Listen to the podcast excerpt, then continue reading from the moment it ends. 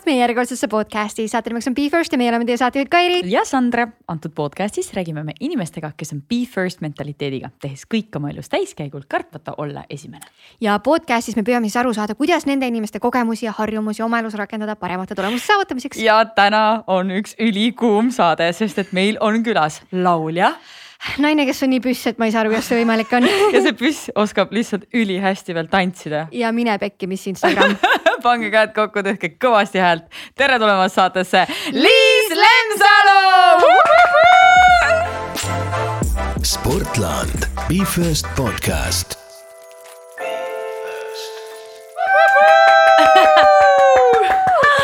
aitäh teile, vau, ma just enne siin kaadri taga tegelikult ütlesin, et mul on täna natukene selline päev, et äh, ma ei ole võib-olla kõige kiirgavamas energias, aga ma ütleme nii, et need kolm minutit, mis ma teiega siin olen olnud, siis ma tunnen, et see vana Liis hakkab tulema tagasi.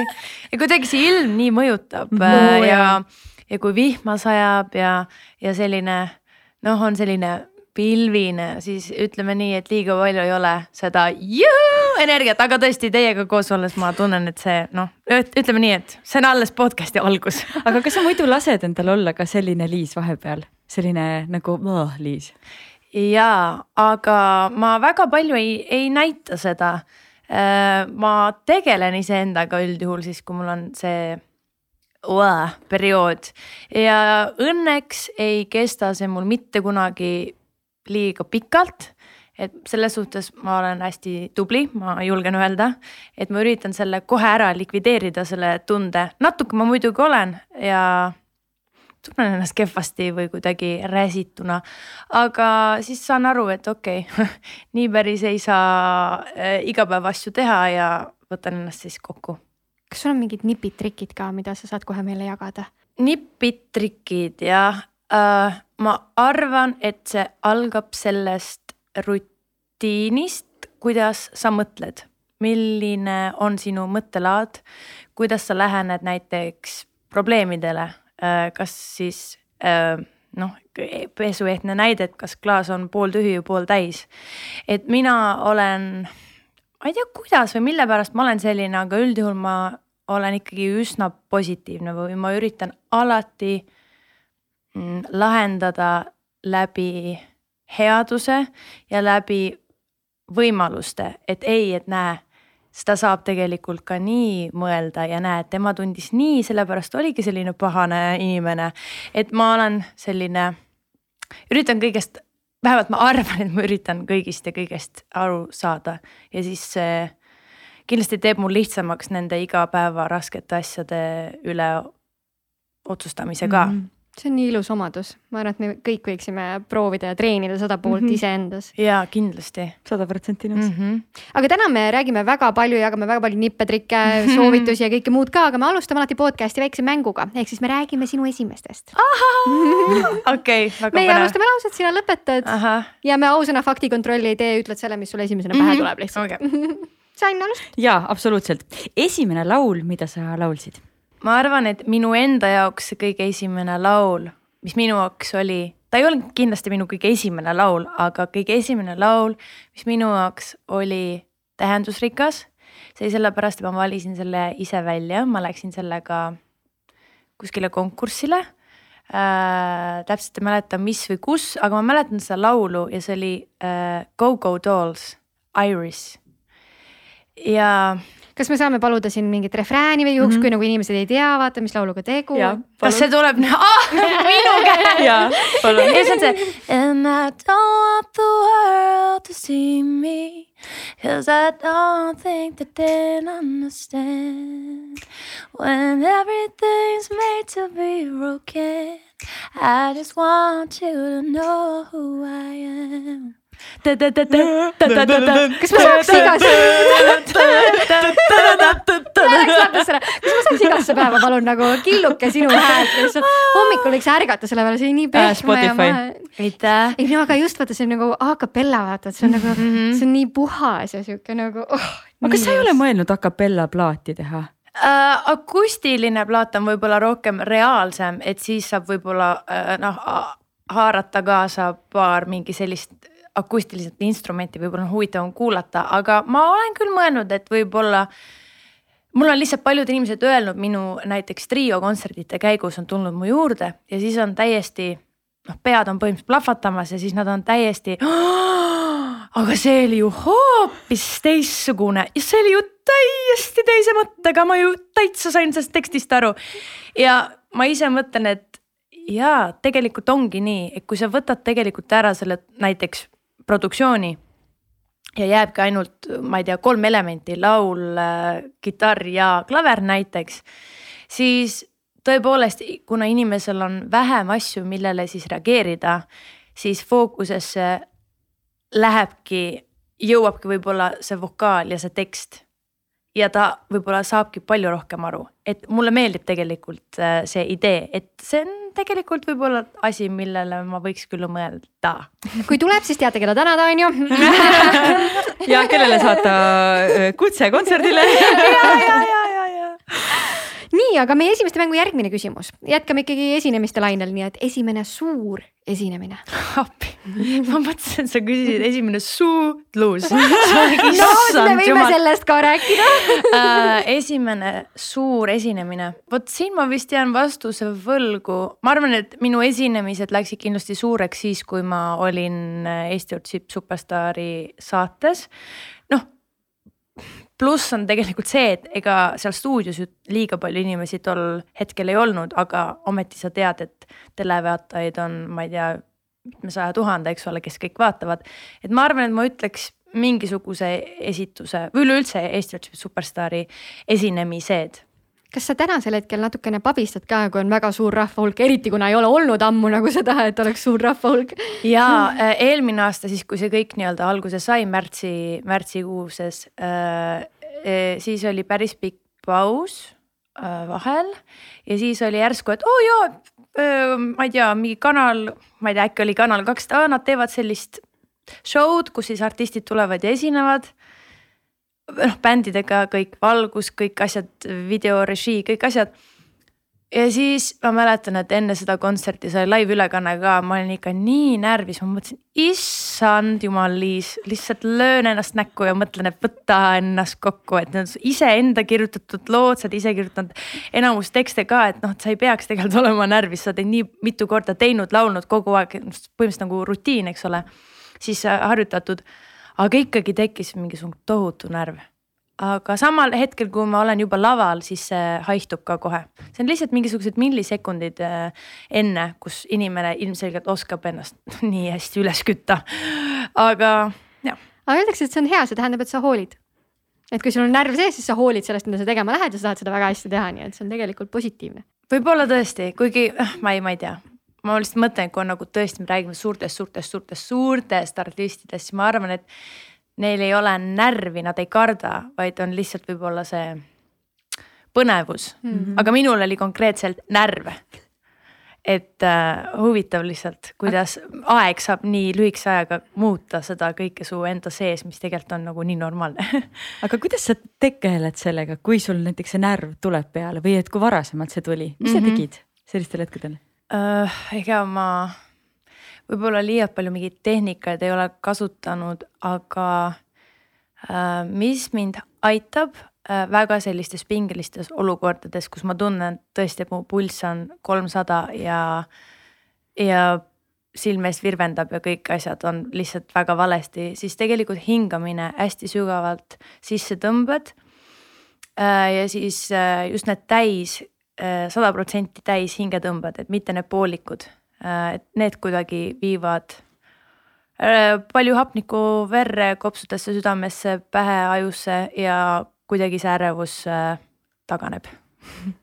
et hinga, hingake mm. -hmm. väga hea soovitus, tasub seda teha küll me liigume edasi järgmise esimeste mängu küsimuse juurde yeah.. kes oli sinu esimene eeskuju?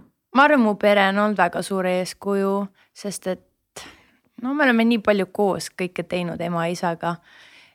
mingil hetkel ma arvan, nad olidki ühed minu parimad sõbrad ka, kui ma olin väike, sest et me reisisime nii palju ja siis kuidagi mul ei olnud mingit stabiilsust elus.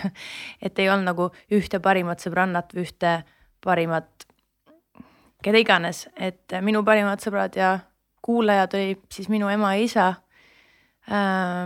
ja nemad olid kindlasti mu eeskujud, aga mingil hetkel, ma arvan, kas oli kümnes klass, äh, ühe, ühe põhikooli lõpp, kaheksas, üheksas, kümnes, kuidagi see periood, ma olin väga äh, ma ei taha öelda, et see oli mu kinnisidee, aga ma olin väga seotud ja väga huvitatud äh, praegusest Dalai-laamast, neljateistkümnest Dalai-laama äh,. ja ma lugesin temast kirjutatud raamatuid, tema enda poolt kirjutatud raamatuid, tema mõtteid ja kuidagi kõik see oli minu jaoks niivõrd huvitav. lihtsalt see lähenemine ka, kuidas siis tiibetlaste uskumustes ja kuidas see religioon neil on äh, pigem ikkagi suunatud hästi palju headusele, headusele, headusele ja kuidagi see oli minu jaoks hästi ilus ma huvi pärast küsin vahele, kas sa oled lugenud sellist raamatut nagu The Book of Joy? või vaadanud filmi? kas sellest on film ka? jaa seda ma ei teadnudki. ma ei tea. see on Dalai-laama ja Desmond Tutu omavahelisest kohtumisest äh, siis tehtud nagu justkui nagu päevik äh, Aa, on keegi teine. aga muideks ma ei ole seda. Liis, ma laenan seda sulle. see okay, on nii, see okay. on üks mu lemmikraamatuid see on üks kõige helgemaid raamatuid Aha. üldse, no päriselt mm. -hmm, sa vaatad mm, -hmm. okei okay,, ühesõnaga okay. lugege ja, ja ma väga-väga soovitan seda. ja, ja, ja, ja, ja okei okay,. see oli nii huvitav praegu, et sa selle ütlesid, sest et ma oleks arvanud, et siit tuleb mingi Alicia Keys või, või midagi sellist. aa, mul või jaa, et sellise muusikalisi eeskujusid mul vist väiksena niimoodi ei olnud, sellepärast et ma ei olnud väiksest saadik väga muusikaga seotud. et minu muusika seotus oligi võib-olla läbi selle, et mulle meeldis muusikat kuulata, mulle meeldis tantsida, mulle meeldis ennast väljendada. aga see ei olnud see, et ma olin kodus ja hullult harjutasin või laulsin või, et see tuli hiljem minu, minu elus et noorena ma olin lihtsalt ülimalt aktiivne noor tütarlaps, kes lihtsalt tegi kõike aga see on minu arust nii armas, et sa ütlesid, et su vanemad on su eeskujud, mis on võib-olla need omadused, mida sa tunned, et sa nagu ise tahad ka endas näha või arendada? mida ma tahaks? Ähm, ma arvan, et ma olen päris palju juba võtnud salamisi justkui omaks et äh, ma arvan, et me tihtipeale ei mõtle selle peale, et mis me oleme võtnud, aga need ometi me saame üheks nende mõtetega, no üleüldse sa oled, ma tõesti usun, et sa oled väga palju oma kodupeegel. kas sul on siis väga raske lapsepõlv, mis on täis draamat ja äkki isegi vägivalda ja siis kindlasti on kaks versiooni, et kas sa muutud ka selliseks või siis sa muutud täiesti risti vastupidi. et sa ei tolereeri seda üldse ja, ja sa õpid nendest vigadest. et mina saan rääkida ainult sellest, et mina, minul oli väga terve äh, lapsepõlv äh,. kindlasti väga palju raskeid hetki oli ka, aga ma just mõtlen ema-isa suhtluses, et me olime väga avatud, kunagi ma ei tundnud ennast liialt lapsena, et mind võeti alati võrdsena. et noh, ilmselgelt ma avaldasin seal arvamust ja nii.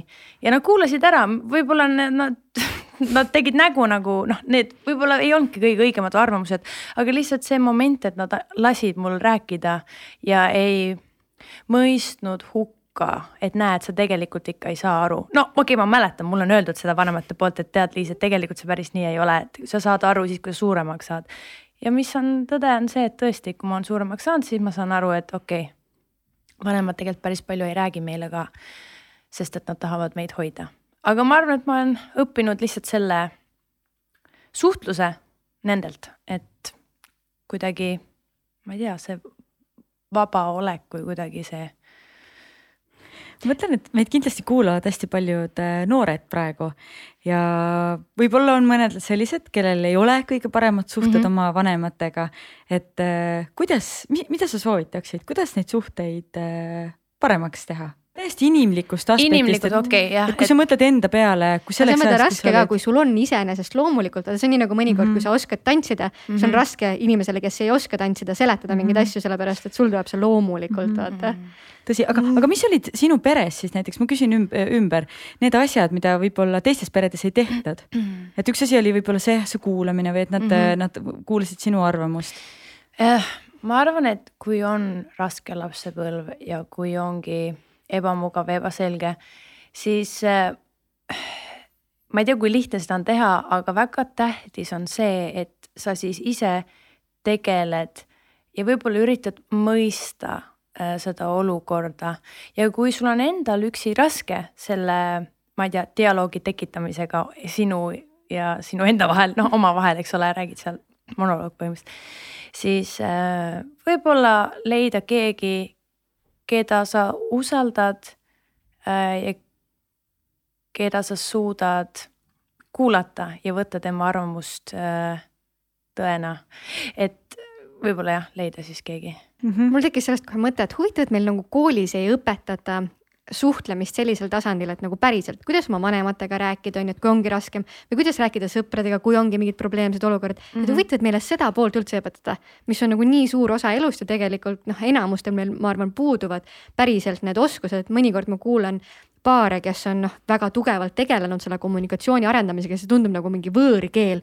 mina tunnen sellest olu, et see on nagu nad räägivad täiesti teisest maailmast nagu, et meil ei õpetata vaata tegelikult seda asja, et see on äh, huvitav jah, et, et ei ole nagu seda fookust üldse pandud. jah, aga võib-olla see, see vaikselt hiilib ligi ja, ja tuleb, sest et see on väga aktuaalne asi, mille, millega minu meelest võiks teha, osadel inimestel tuleb see loomulikumalt, aga ma arvan, et nende kellel ei tule see loomulikult, neil on vaja kindlasti tuge ja, ja sellist äh, silmi avardavat, ma ei tea, kogemust või ühte persoonigi, kes siis suudaks võib-olla nad panna kuulama ja näidata, et mm -hmm. näed, nii saab ka äh, läheneda päris halvale olukorrale. aga see on kõik sinu enda valik ju, kuidas sa mingit situatsiooni näed. ilmselgelt väga lihtne öelda, aga, aga see on selline aju, ajutrenn, millega tuleb igapäevaselt siis tegelikult tegeleda ja nagu öeldakse, sa ei saa olukorda valida, aga sa saad valida, kuidas sa reageerid sellele olukorrale, sa juba mainisid siin, et te vanematega olete väga palju reisinud, aga räägime korra sinu esimesest reisist. minu esimene reis oh, ma ei tea, ma arvan, et mind on hästi palju igale poole viidud, kui ma väike olin, võib-olla isegi imikuna ma juba reisisin, aga ma ei tea, ma peaks siis selle kõne tegema vanematele ja küsima üle. aga ma käisin ju Saksamaal lasteaias ja siis ma olin neli-viis, no ikka väga väike. ja ma arvan, et see on selline suurem reis, esimene suurem reis, mida ma konkreetselt ka mäletan mm.. Mm -hmm. kas saksa keel on ikka veel suus? ei ole, aga ma õppisin ju seda ka koolis kolm aastat, et siis see tuli jälle meelde ja kuna ta on üks äh, germaani keelte äh, Äh, osadest siis tegelikult on natukene ikkagi on seal sarnast ka selle norra keelega, noh, et kõik need, et ühesõnaga mingisugused sarnasused äh, on täitsa olemas, et äh, keeled on lahedad. sa räägid norra keelt? jaa, norra keelt ma Puhtalt. räägin. nii, palun ütle ja. meile midagi ilusat norra keeles Det er veldig fine jenter her og ja, det er veldig kult å være her Te ei tea isegi, mis ma ütlesin, aga nii on. aga see kõlab ägedalt Norra keel on minu arust ka üks nendest keelest, mis kõlab nagu nunnult et ma ei tea, kuidas norra keeles nagu riielda inimestega, et see noh, saksa keel kõlab nagu karmilt, norra keel kõlab nunnult. ai jaa, ma olen no,, no, neid roppu ei praegu ei hakka. aga ütle midagi kurja meile norra keeles korra uh,. no kurat küll on fifan. no see ei kõla ikka kurjana, see on nii pehme ja armas nagu fluffy veits. jah, fifan mis keeli sa veel räägid, Liis?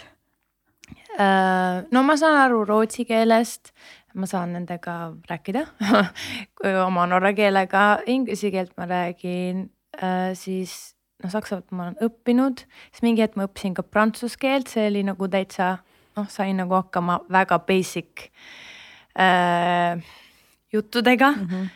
Äh, ja noh, vene keelt ma ilmselgelt olen õppinud aga jah, ma olen päris palju asjadega kokku puutunud, aga ma arvan, et kõige tugevalt ma saan öelda, et keeli, mida ma väga hästi valdan, äh, on noh, inglise keel ilmselgelt ja siis Norra, okei okay,, Rootsi ka ja siis ka Eesti, kas ma ütlesin Eesti juba Eesti, kui ma tagasi tulin tegelikult siia elama, siis eesti keel ei olnud mul üldse suus. Äh, ja see oli päris keeruline, noh, see grammatika oli täiesti issand jumal minu arust see on siiamaani ja, ja, ja ei, see on nagu täiesti ulme. ja siis noh, Norras ma ju mõtlesin isegi norra keeles oma peas Neid vestlusi ma pidasin norra keeles või inglise keeles, et see ei olnud, eesti keel oli lihtsalt selline kodune keel, mida me ilmselgelt rääkisime. see oli meie jaoks tava, aga kuna mu suhtlusringkond oli, ma arvan et, et seitsekümmend viis protsenti oli ainult pidevalt ainult norra keel, siis see oli minu jaoks rohkem loomulikum, et ma mõtlesin selles keeles, mida ma rohkem siis tarbin. lihtsalt vaheküsimus, kaua sa Norras elasid? peaaegu viis aastat. Vau ma nagu, ma, ma, ma olin, ma olin nii kade, et ma ei reisinud nagu selles vanuses niimoodi, et keeled suhu saada, vaata. ja, ja, ja no sel hetkel sa kindlasti ei näe seda, et nii lahe, et mm. reisid nii palju, siis on nagu omad probleemid ja omad asjad, mis alguses on äh, proovikiviks mm. -hmm. et noh, ühiskonda sulandumine mm, -hmm. kultuuriga seal üheks saamine äh,. et päris palju nagu komplikatsioone ka, aga kindlasti need on lahendatavad, aga jah kas sa ise tunned, et võib-olla oled nüüd tugevam inimene ka selle võrra või? muidugi nagu..., ma arvan, et ma olen, ma isegi jah, jah, ma olen ikka väga palju tugevam, jah. no eks need äh, sellised äh, ebaõnnestumised teevadki äh, tugevamaks meid kõiki. räägi, mis oli sinu esimene ebaõnnestumine? ei tule ühtki suurt ebaõnnestumist meelde, vähemalt läbi minu enda vaatevinkli. ei ole laval kukkunud, komistanud? See kõige suurem ebaõnnestumine, no see kindlasti nüüd ei ole, kui me võtame skaalal aga elu. esimene. Esi.... või mis kohe esimesena pähe tuleb? mul ei tulegi, ma ütlen ausalt, mul ei tule mitte midagi pähe. issand, kui äge. Vist... ütled sa ikka vähemalt oled laval kukkunud mõne korra? ja, oo oh. jaa, ma olen kukkunud ja igast, igast asju. no mis on, on juhtunud, mis on juhtunud, mingi äge asi, mis laval juhtub, noh äge, äge, äge ei no mul on ikkagi sealt topid läinud lahti samal ajal, kui ma laulan ja dissid peaaegu väljas, aga, aga ikkagi ei ole. Ja siis kitarrist seal samal ajal, kui ta soolot mängib, siis ma ütlen, et noh, meil on kõigil need klapid ju peas ja tegelikult need on tohutult summutavad ja, ja väga raske on kuulda, aru saada, mida keegi sulle ütleb, kui ta ei räägi otse mikrofoni. Ja siis ma mingi. ja siis ta oli, et mis asja, mis asja ja siis ma näitasin ja siis ta pani mul sealt kõik need asjad kinni, aga ma olen kukkunud ja igast haigustega käinud äh, laval äh,, pidanud esinema, mis on päris õudne mm,. ja ma olen elu jooksul vist äh,, ma ei tea, ma arvan, ma saan ühe käe peal kokku lugeda kordi, kui ma olen reaalselt esinemise ära jätnud oma kümne aasta jooksul, sest et ma, mul on tervisega midagi aga ma arvan, et see on päris vähe mm. -hmm. ma arvan, et mul on, ma ei tea, mul pähe tuleb võib-olla kaks-kolm korda. aga mul ei ole, ma olen ikkagi ära teinud need asjad. aga kas on vajalik nagu push ida ennast, eriti kui sa oled haige või et nagu millest sa oled otsustanud, et sa ei jäta ah,? hea küsimus, kindlasti ma ei soovitaks seda teistele, et minge tehke haigena igasuguseid asju, mida ei peaks tegema.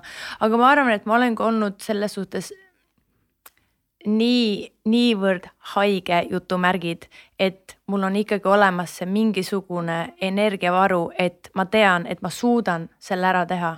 see, kas ma suudan anda endast sada protsenti, jah, seda ma ei suuda, sellepärast et ma olen haige, aga ma suudan teha ja anda endast parima ja ma ei tea, kas inimene saab sellest aru, et üldjuhul, kui ma lavale lähen, siis ma üritan ikkagi jätta sellist muljet, et inimene ei saa mitte midagi aru, ta lihtsalt mõtleb kogu aeg, et vau, Liis on lihtsalt kogu aeg nii, nii, ma ei tea, positiivne, särav ja eh, noh, mis iganes, enesekindel, siis tegelikult see päris nii ei ole, see on ka jälle selline nagu mentaliteet, kuhu sa ennast viid, kui sa lähed lavale et see ei ole see, et ma teesklen, et ma olen keegi teine, vaid see on lihtsalt selline natukene nagu automaatne asi, mis paratamatult juhtub, sellepärast et lava on minu jaoks koht, kus mina pean nüüd esinema. ja, ja seal natukene see nagu tunnetus muutub, kuidas sa tahad ennast väljendada. et kui ma niisama istun või käin kohvikus, siis mul noh, ei teki seda. kui palju üldse erineb äh, lavaliis ja tavaeluliis?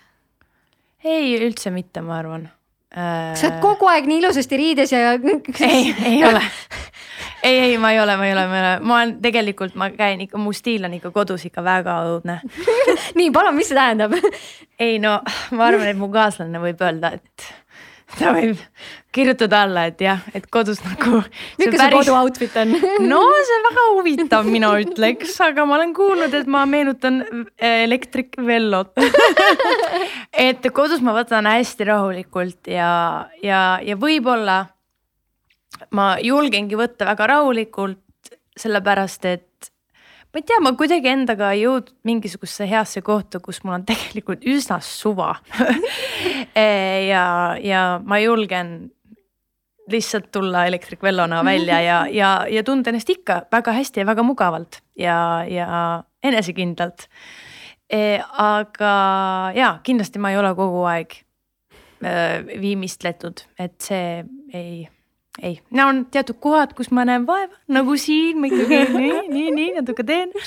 et aga ma väga naudin näiteks, kui on suured mingisugused auhinna, ma ei tea, galad või esinemised või teleülekanded, mis iganes, siis see mulle jällegi nii väga meeldib, kui ma saan ennast nagu ultra ultra kuskile, ma ei tea, kuhu glamuurse taseni viia ja ja katsetada, sest et seda ka nagu liialt palju ei juhtu ja kui see juhtub, siis ma, mulle meeldib nautida seda protsessi nii äge, see on, see on selles mõttes, et see on nagu mingi roll, mida sa mängid, et, et me kõik ju mängime oma elus erinevaid rolle, et ühes mm -hmm. laval sa mängid ühte rolli e, eraelus sa mängid natuke teistsugust rolli, vahet ei ole, kas see on siis nagu see mütside metafoor või mingisuguste, ma ei tea, maskide metafoor, mida mm, -hmm. mida kasutatakse. mina et... isegi ei ütleks, et see on roll, ma lihtsalt arvan, et inimestel on niivõrd palju eri külgi, et nüüd, et arvata, et näiteks me võtame mm, ma ei tea, Jim Carrey või, äh, või äh, kes see oli, see teine Robin. Robin Williams. Robin Williams, eks ole, kes siis tegelikult kas ta sooritaski enesetappu, eks mm -hmm. ole, et näed, sa vaatad, et näed, ta on kogu aeg selline, näed, tal on kõik nii selge, ta vist ongi ainult kogu aeg see üks persoon, aga tegelikult see on päris primitiivne viis, kuidas üldse näha ja läheneda inimesele, sest et kui sa tead ja mõtled enda peale kui mina mõtlen, kui Sandra mõtleb enda peale, kui sina mõtled, kui või kuulaja mõtleb enda peale, siis tegelikult me kõik teame, kui komplekssed me kõik oleme. meil on nii palju tohutut eri, eri külgi. naistel kindlasti see tohutult muutub läbi hormoonide äh,, läbi erinevate tsüklitasemete, kus me siis oleme, eks ole äh,. ajukeemia muutub, meestel ka kindlasti äh,. aga see ei ole roll, see on lihtsalt mingites situatsioonides sa oled tahad olla üks ja teistes sa tahad olla teine, aga see kõik on sina tegelikult. väga õige väga ilusti öeldud see on see, mis mina arvan aga me nõustume selles mõttes yeah., ma ise arvan ka, et yeah. ongi nagu me oleme esiteks ajas muutuvad, teiseks me olemegi nii mitmetahulised ja yeah. mõnikord sa toodki välja need asjad, mis just selleks hetkeks vajalikud on, on ju. ja kõik ja mm., ja kõik inimesed, kes praegu võib-olla kuulavad ja mõtlevad appi, aga minus ei olegi mitte mingeid tahke või mina olengi, mina olengi see üks kogu aeg, siis ei, ma siiralt arvan, et sa ei ole, sa lihtsalt võib-olla ei ole veel endaga tutvust teinud nendel tasemetel ja seda ma tõesti soovitan kõigil, tutvuge iseendaga kuidas seda teha? kas on mõni hea soovitus või kuidas sinul on see läinud? mina arvan, et peab hästi palju erinevaid asju katsetama, proovima ja siis läbi selle sa saad üsna, üsna kiiret vastuseid, kas ma ei tea, mingi asi sobib sulle, kas mingid inimesed sobivad sulle, kas nendega koos olemine teeb sul taastab su energiavarusid või äkki isegi võtab ära. kas äh,, ühesõnaga tegelikult me oleme üsna tunnetuslikud inimesed, et meil on väga paljud vastused meie enda sees olemas, aga kui palju me neid kuulame ja ajame segi, ma ei tea, ego või kuidagi natuke valede teiste arusaamadega, siis jah, ma arvan, et see eristamine on natukene see, mis meid ajab segadusse, aga tegelikult üsna paljud asjad on meil endal olemas, need vastused see kuulamine on hästi oluline võtmesõna minu arust, et me lihtsalt tihtipeale ei ja. kuula iseennast, vaid kuulame ühiskonda ja kõike muud. ja, mm -hmm.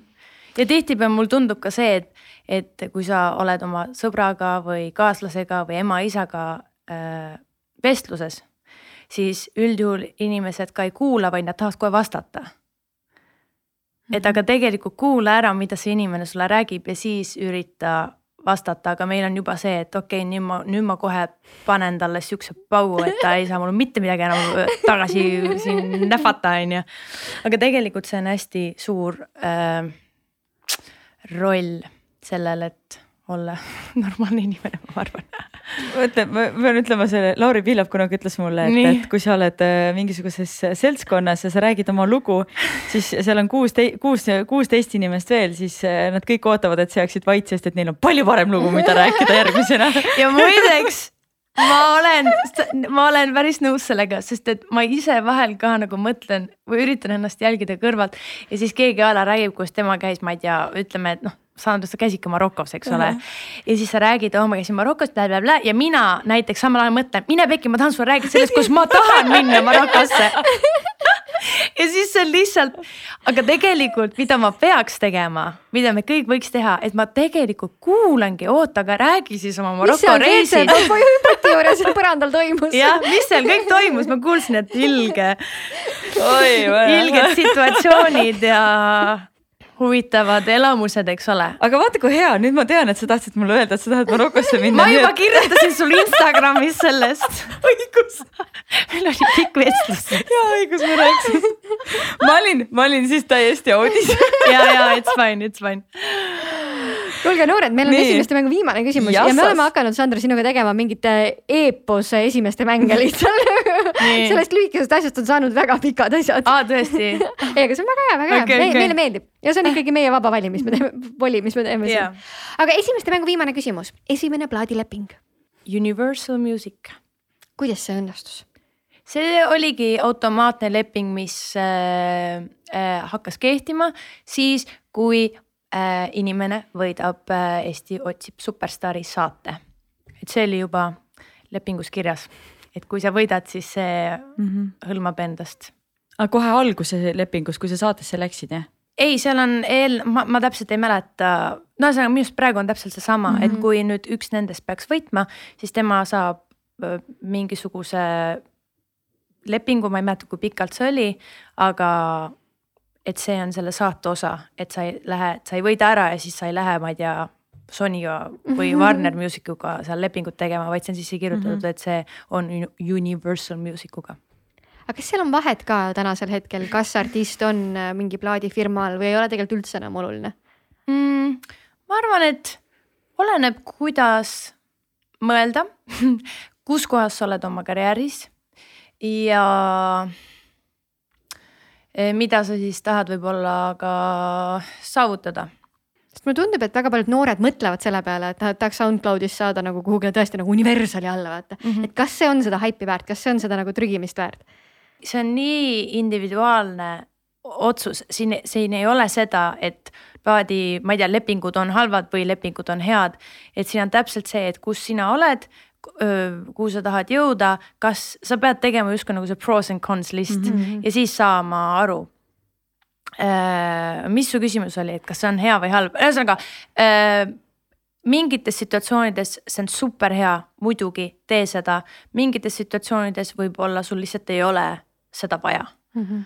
et ma ei, mul ei ole, siin ei ole nagu ühtset vastust, see on väga artisti põhine ja sellel, mis on temal fookuses ja ühesõnaga nagu, nagu, nagu ikka aga mis on võib-olla paar nüanssi, millele nagu värske artist võiks tähelepanu pöörata, et kui tal on, tekib šanss nagu teha äh, plaadifirmaga leping, et mis on võib-olla niisugused asjad, mis sa oled nagu karjääri jooksul õppinud uh, -huh. et millele sa tead tähelepanu pöörata, mida võib-olla algaja ei oska isegi mõelda, et kas on hea või halb nüüd?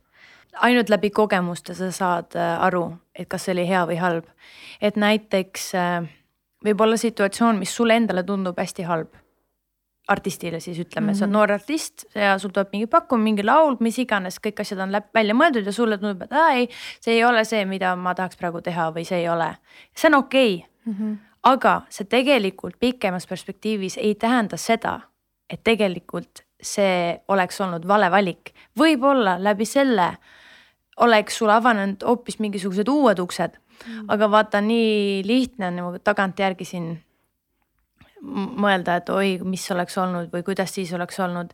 et äh, see, see on nii individuaalne ja tuleb lihtsalt kuulata iseennast ja ma arvan, et hästi tähtis on ka see, et sul oleks hea mm, noh, nii-öelda meeskond, turvasüsteem mm -hmm. sinu ümber, kes siis võib-olla ka annavad äh, loodetavasti head nõu. et mitu pead on ikkagi targem kui üks, et seda ma küll soovitan, et natukene läbi rääkida erinevate inimestega, enne kui siis mis iganes otsuse sa mm -hmm. tahad langetada. mulle lihtsalt vahepeal tundub, et nagu pürgitakse millegi poole, mille nagu asju ei mõelda läbi. ja, ja kohati võib-olla tundub ka see, et see sõltub veidike ka sellest žanrist, kus sa oled, et. jaa, muidugi. et ma ei tea, Viie Miinuse poistel polnud mitte mingit probleemi alguses ilma, ilma siis label'ita ennast käima tõmmata et.... ei, aga ei olegi, sul selles suhtes Eestis sul ei, sul ei pea olema ilmtingimata label'it, see on täiesti sinu enda valik, kas sa soovid või ei või ei soovi ja millise lepingu sa saad, eks ole mm -hmm., võib-olla sa saad ainult noh, ühesõnaga siin on nii palju variante mm, -hmm. et tulebki leida see, mis sulle sobib ja sellega lihtsalt sõna otseses mõttes kütta edasi mm, -hmm. et mitte. Või siis äh, lõpetada, sest et minu arust, kas mitte Metsakuts ei olnud see, kes äh, tegi ka label'iga mm -hmm. lepingu ja siis mingi hetk. muidugi ma täpselt ei tea, mis, mis põhjusel taga oli, aga mulle tundus, et ta lihtsalt läks ära sealt, sest et need kuidagi ei, ei funganud see mm -hmm. omavaheline koostöö või et, et yeah et äh, see on ka variant, katsetad ära ja. muidugi. või tööta, siis tööta. siin ei ole äh, ühte õiget ega valet vastust mm, -hmm. ma tahan uuesti seda toonitada, et äh, nii on kuula oma sisemist häält ja mine sinna, kus see ütleb. ja, ja, meie lähme nüüd esimeste mängust eemale ja, lähme ja. aga sukeldume ikkagi muusikakarjääri kohe, paneme Muidugi. sinna täitsa edasi, onju. sa ütlesid, et muusika ei olnud, et noh, nooruses sa ei olnud, sa olid multitalent, sa tegid kõike, onju, et muusika ei olnud nagu fookuses ainult. multitalent no sa oled, vaadates sind laval ja nagu päris elus, et sul on nagu väga palju skill'e kõike teeb, onju. et mis hetkel siis nagu muusika hakkas mängima kandvat rolli sinu elus? No väga-väga-väga hilja. Äh, et ma olingi vist VAF-is käinud sel hetkel kaks, kaks ja pool aastat, kolm aastat. ja siis ma läksingi superstaari, aga eelnevalt ega mul mingit tohutut põhja küll all ei olnud, sest ma olingi see loko, loko tüdruk, kes tegi nagu kõike, mängisin jalgpalli siis mingi hetk proovisin tennist, siis maalisin, siis käisin keraamikas, siis õppisin prantsuse keelt, siis noh, ühesõnaga põhimõtteliselt. You name it jah. näitlemistundides, no ühesõnaga ma panin nagu igas sektoris põhimõtteliselt ma natukene, natukene pistsin oma varbakese vette ja proovisin ja katsetasin. et äh, ma arvan, et ikkagi Superstaari saade on see, mis siis tõi selle konkreetsemalt no, minu ellu. aga mis see nagu, mis sind Vahvi ukse juurde viis, miks see, kas oli ka lihtsalt, et nii nagu keraamikaga, et lihtsalt proovida? ei, ma läksin tegelikult Vahvi üldse tantsima hmm siis ma tantsisin, üheks minu õpetajaks oli ka Tanja Mihhailova. Yes, yes, yes. ja ma tantsisin seal, ma ei mäleta, paar aastat, aasta kaks, kaks kindlasti vist jah või kolm kes see mäletab, no kaks kindlasti vist jah. ja siis kuidagi iga kord, kui ma läksin sinna tantsima, siis oli see laulu, lauluklassi uksekene, kus sa läksid ja sisenesid siis sinna laulutiiva ja see oli ka minu jaoks kuidagi väga kutsuv, sest mulle lihtsalt, mulle meeldis laulda, mulle meeldis. Youtube'is oli kunagi üks selline äh, laulja Esme Denters ja tegelikult ma arvan, et üks väga suur põhjus, miks ma hakkasin üldse laulmisega tegelema või rohkem huvituma sellest, oli kuna Esme Denters tegi neid Youtube'i videosi ja tol hetkel see oli täiesti pöörane, et mis asja, keegi teeb coveri ühest loost ja paneb Youtube'i. Oh,, wow.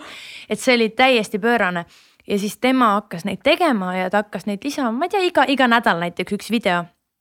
siis me hakkasime ja siis ma hakkasin iga kord, ma hakkasin vaatama, kas ta on nüüd uue video pannud. Mm -hmm. ja ma kogu aeg hakkasin harjutama, laulma kaasa, kõiki laule, mis ta pani, kõik lood ma laulsin kaasa ja siis sealt ma olin, et uu, mulle tegelikult nii meeldib ja siis mulle tundus, et meil on päris sarnane tämber, siis ma mingi, ma saan ju hakkama sellega, see on nii lahe.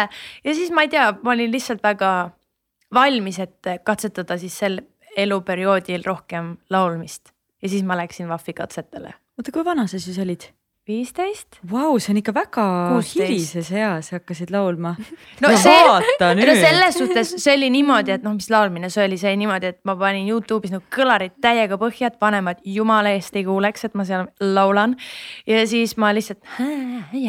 no ilmselgelt see töötas ja, ja, ja siis võib-olla laulma läksin, kui ma olin kuusteist, jah, kuusteist appikene, sest et kui ma läksin Superstaari, ma olin kaheksateist mm. -hmm. ehk siis noh, mingi kuusteist, no ühesõnaga jah, mingi umbes selline, selline, selline ajatelg. aga, aga mingi eelsoodumus sul pidi ikkagi olema ju, sul pidi olema, sa pidid oskama, ma ei tea, viisi pidada või. või kas sa oskasid, äkki ei osanud? ma ei tea tõesti. sest ma... et see on ikka, see minu jaoks on nagu vau et ma ei teadnud, et sa nii hilises eas hakkasid äh, laulma. no ma käisin ikka nagu kõik tüdrukud läpsid, käisid äh, kuskil kooris või kuskil, kuskil midagi, kes ikka puutusid kokku laulmisega mm, -hmm. no mhm. Norras ka ma äh, äh, laulsin natukene, seal vist mingit koori ei olnud, see oli lihtsalt mingid laulutunnid, väga meeldis mm. -hmm. Äh, seal oli, ma olen isegi norra keeles ühe plaadi sisse laulnud, valiti välja äh, erinevad äh, siis persoonid, väiksed lapsed ja mina olen üks lastest äh,. see plaat rääkis Mehhikost ja Mehhiko kultuurist ja minu soolokarjäär algas, kui ma laulsin eeslilaulu ja see mul on, ma olen nii, nii tita, nii selline no nii tita hääl, ma isegi, ma täitsa, ma arvan, ma lähen koju ja ma üritan selle eesli, eesli loo üles leida. saada siis meile, paneme siia vahele aa ah, jaa, võib-olla tõesti. et ühesõnaga, ma ei tea. Ikka olen mm, -hmm. ma puutusin muidugi kokku mm, -hmm. aga ma mhm. puutusin ka nii palju teiste asjadega kokku, et ma ei saa öelda, et ma puutusin sellega rohkem kokku kui spordiga näiteks. aga räägi, mida, mida see Superstaarid saade sulle üldse õpetas? oo, no see õpetab sulle ikka väga lühikese perioodi vältel nii, nii palju. pead hästi kiiresti tegelikult täiskasvanuks saama mm.. Ja, ja kindlasti oma emotsioone ja närve õigetesse kohtadesse jaotama ja, ja emotsionaalses mõttes väga-väga palju, kindlasti ka vokaalselt sa arened ja, ja kõik asjad, aga kui sul ei ole niivõrd head põhja all, siis tegelikult see koormus on väga-väga-väga-väga jõhker. Ja kui sa ei ole harjunud nii, nii palju äh, pidevalt laulma, siis see võib kindlasti olla, tekkida ülekoormus ja kõik asjad, et minul tekkisidki kindlasti et see oli natuke too much for mm, -hmm. for me, aga noh, ma sain tehtud ja kõik on lõpuks ikka, jah, et kõik on lõpuks ikka hästi, aga ikkagi ta on päris, ta on kurnav, ta on väga palju nõudev. kas sa selle aasta omasid ka järginud? Ma lihtsalt oleme ühes, ühes peas. ma isegi teadsin, et te küsite sedasama küsimuse, ma vaatasin teile silm, silmisse, ma sain aru. Nonii, keda sa jälgid, kas sa jälgid äh, selle aasta osalejaid ka? muidugi jälgin, see on tegelikult üks asi minu arust, mis, oota mis Heidi Purga ütles, et, et kui sa oled kuidagi selle saatega olnud seotud, siis sa alati jääd seda jälgima mm, ja kuulama ja kaasa elama, et, et noh, ma ei tea, kas see on selline hardcore sada protsenti jälgimine, et kogu aeg hoiad seal silmad ja kõrvad lahti, aga kogu aeg see ikkagi on sinu jaoks inimesena huvitav, sest et sa oled olnud osa sellest projektist ja muidugi, ja. Nonii, kes võidab? ei tea, see on nii raske küsimus. kes su lemmik on siis, küsime nii? selle otsustab ikkagi televaataja ja, aga see, et kuidas või mis otsused televaatajad teevad, see on täiesti tegelikult, ma ei teagi, millel see põhineb. mis no, otsuse teeks Liis Emsalu? mis otsuse? kelle sa valiks võitjaks? mina kindlasti ei tooks välja ühte inimest mm,. sellepärast. aga me tahame me tahame ei, aga kujuta ette nüüd, et sa oled kaheksateist või ma ei tea, kui vanad nad, ütleme kaheksateist pluss natuke, ikka pigem väga noor ja alles elu alguses, eks ole. ja kujuta nüüd ette, kui te peaksite olema seal saates. Ja teid kogu aeg hinnatakse, kogu aeg öeldakse, et näed, siin tema oli nii tubli, tema oli nii tubli, näed, tema ikka üldse ei oska, näe vaata, milline, milline nännipunn tema seal on. Siis vaata tegelikult kõik need asjad, isegi see, et kui me, meil praegu tundub, et see on hästi positiivne, oh, kes on su lemmik, kes on su lemmik. ja siis sa ütled selle nime, siis võib-olla keegi neist kunagi kuuleb seda ja, ja tema näiteks ei olegi minu lemmik ja tegelikult seal võib olla päris suur mõju, vähemalt mina mäletan oma ajast. Siis oli ka see hästi tavaline küsimus, et kes on su lemmik, kes on su lemmik, noh, tore on, kui sa oled muidugi kellegi lemmik, aga vaata see hetk, kui sa ei ole, siis sa hakkad hästi palju kahtlema endas, et oota, aga miks mina siis ei ole, oota, aga kas ma ei olegi siis nii tubli, et aga mis mul siis viga on. et mina kindlasti ei ütle juba seda sellepärast, et nad on kõik nii erinevad ja, ja see võib tegelikult teha rohkem, mina arvan, kahju äh, kui, äh, kui tuua, ma ei tea, mingit positiivset emotsiooni, kõigil neil on oma elu ja tee, mis siis kõik hakkab siin nagu lahti rulluma. aga ma siis pigem ei ütleks samas minu arust on nagu ongi see, et maitsed on ju erinevad, selles mõttes, et see, et mulle üks meeldib, see ei tähenda, et teine on halb, see tähendab lihtsalt, et minu maitsele on nagu. ei, ma tean, aga vaata, kui sa oled noor inimene, siis äh, sa võtad seda võib-olla natuke rohkem isiklikumalt. ja tegelikult et, on hea saada seda nagu no, insight'i. et, et näed, kumb saatejuht on nüüd lemmik, ütle, ütle no, kumb on. no täpselt on ju. ei, ma ei taha teada, ära ütle. ei no täpselt on ju ja siis ma ütlen ja siis ma ütlen suvaliselt ütlen, et no tema on, on ju. Patrik on. jah, on ju ja siis selle teisel, kelle nime ma ei öelnud, siis ta mõtleb, oota, aga, aga mis mul siis viga on, aga tegelikult ongi see, et sul ei ole mitte midagi viga, see on lihtsalt nagu täiesti primitiivne nagu arvamus, mis ei põhinegi mitte millelgi nagu minu enda mingisugusel isiklikul arvamusel või mm, -hmm. või mitte, et ühesõnaga ma ei taha tekitada mitte kellelegi sellist tunnet, et ta ei tunne ennast täisväärtuslikuna, sest et me kõik oleme nii jumal, kui see ka ei tundu, aga hästi ettevaatlik peab olema minu meelest nende sõnadega ja kogu aeg nagu võrdlemisega. mis see võrdlus midagi toob, mitte midagi ei too, pange kõik edasi, kuulake mitte kedagi mis olid kõige raskemad hetked sinu jaoks tol ajal seal Superstaari saates, kui sa olidki kaheksateist äh,? jah, ma olin kaheksateist saanud äh,. kõige raskemad asjad olidki see selline see, et sind kogu aeg hinnatakse, keegi kogu aeg lihtsalt midagi arvab. oleks see lihtsalt see, et laulad ära ja siis mitte, mitte keegi mitte midagi ei ütle ja siis noh, kas said edasi või ei saanud. aga seal on hästi palju seda äh,, seda noh, hästi palju arvamusi, mis on üleüldse elus ka absoluutselt, aga ma arvan, et see oligi lihtsalt, et järsku nüüd kõik midagi arvavad ja ma ei ole tegelikult mitte keegi veel ja ma ei tea veel ise ka, kes ma olen ja siis. ja siis see on natuke lihtsalt nagu segadust tekitav, aga see on kõik tehtav ja sellest pärast nüüd äh, kas minna saatesse või mitte, et näiteks kui see peaks nüüd uuesti tulema, siis ma arvan, et muidugi alati mine ja proovi, aga tea, et see on kindlasti äh, keeruline. no nüüd sa oled oma karjääri ikkagi juba üles ehitanud, on ju, kõik Eesti rahvas armastab sind juba. kuidas üldse näeb ühe muusiku päev välja, et kui sa lähed tööle, siis milline sinu tööpäev on? Eh, ma olen nüüd nii tubli ja üritan eh, oma unetsüklit väga järgida jälgida. Eh, ma arvan, et varemalt mul oli see üsna-üsna kaootiline ja tegelikult ma tundsin, kuidas see mu tervisele mõjub. kuidas mu ajutervisele mõjus, et, et mul ei olnud nagu tohutut stabiilsust. aga nende kahe aastaga näiteks, mis on siin olnud tegelikult justkui nagu kurvad ja väga rasked, siis mina olen näiteks, ma arvan, et ma praegu antud hetkel, kui ma teiega räägin siin, siis ma olen kõige paremas kohas oma elus, kus ma olen üldse olnud. ja ma arvan, ma ei ole mitte kunagi sellist lauset julgenud välja öelda. et minu jaoks on hästi tervendavalt mõjunud. Äh, sest et mul on tekkinud selline terve ja tervislik rutiin, mis minu jaoks tegelikult on väga tähtis.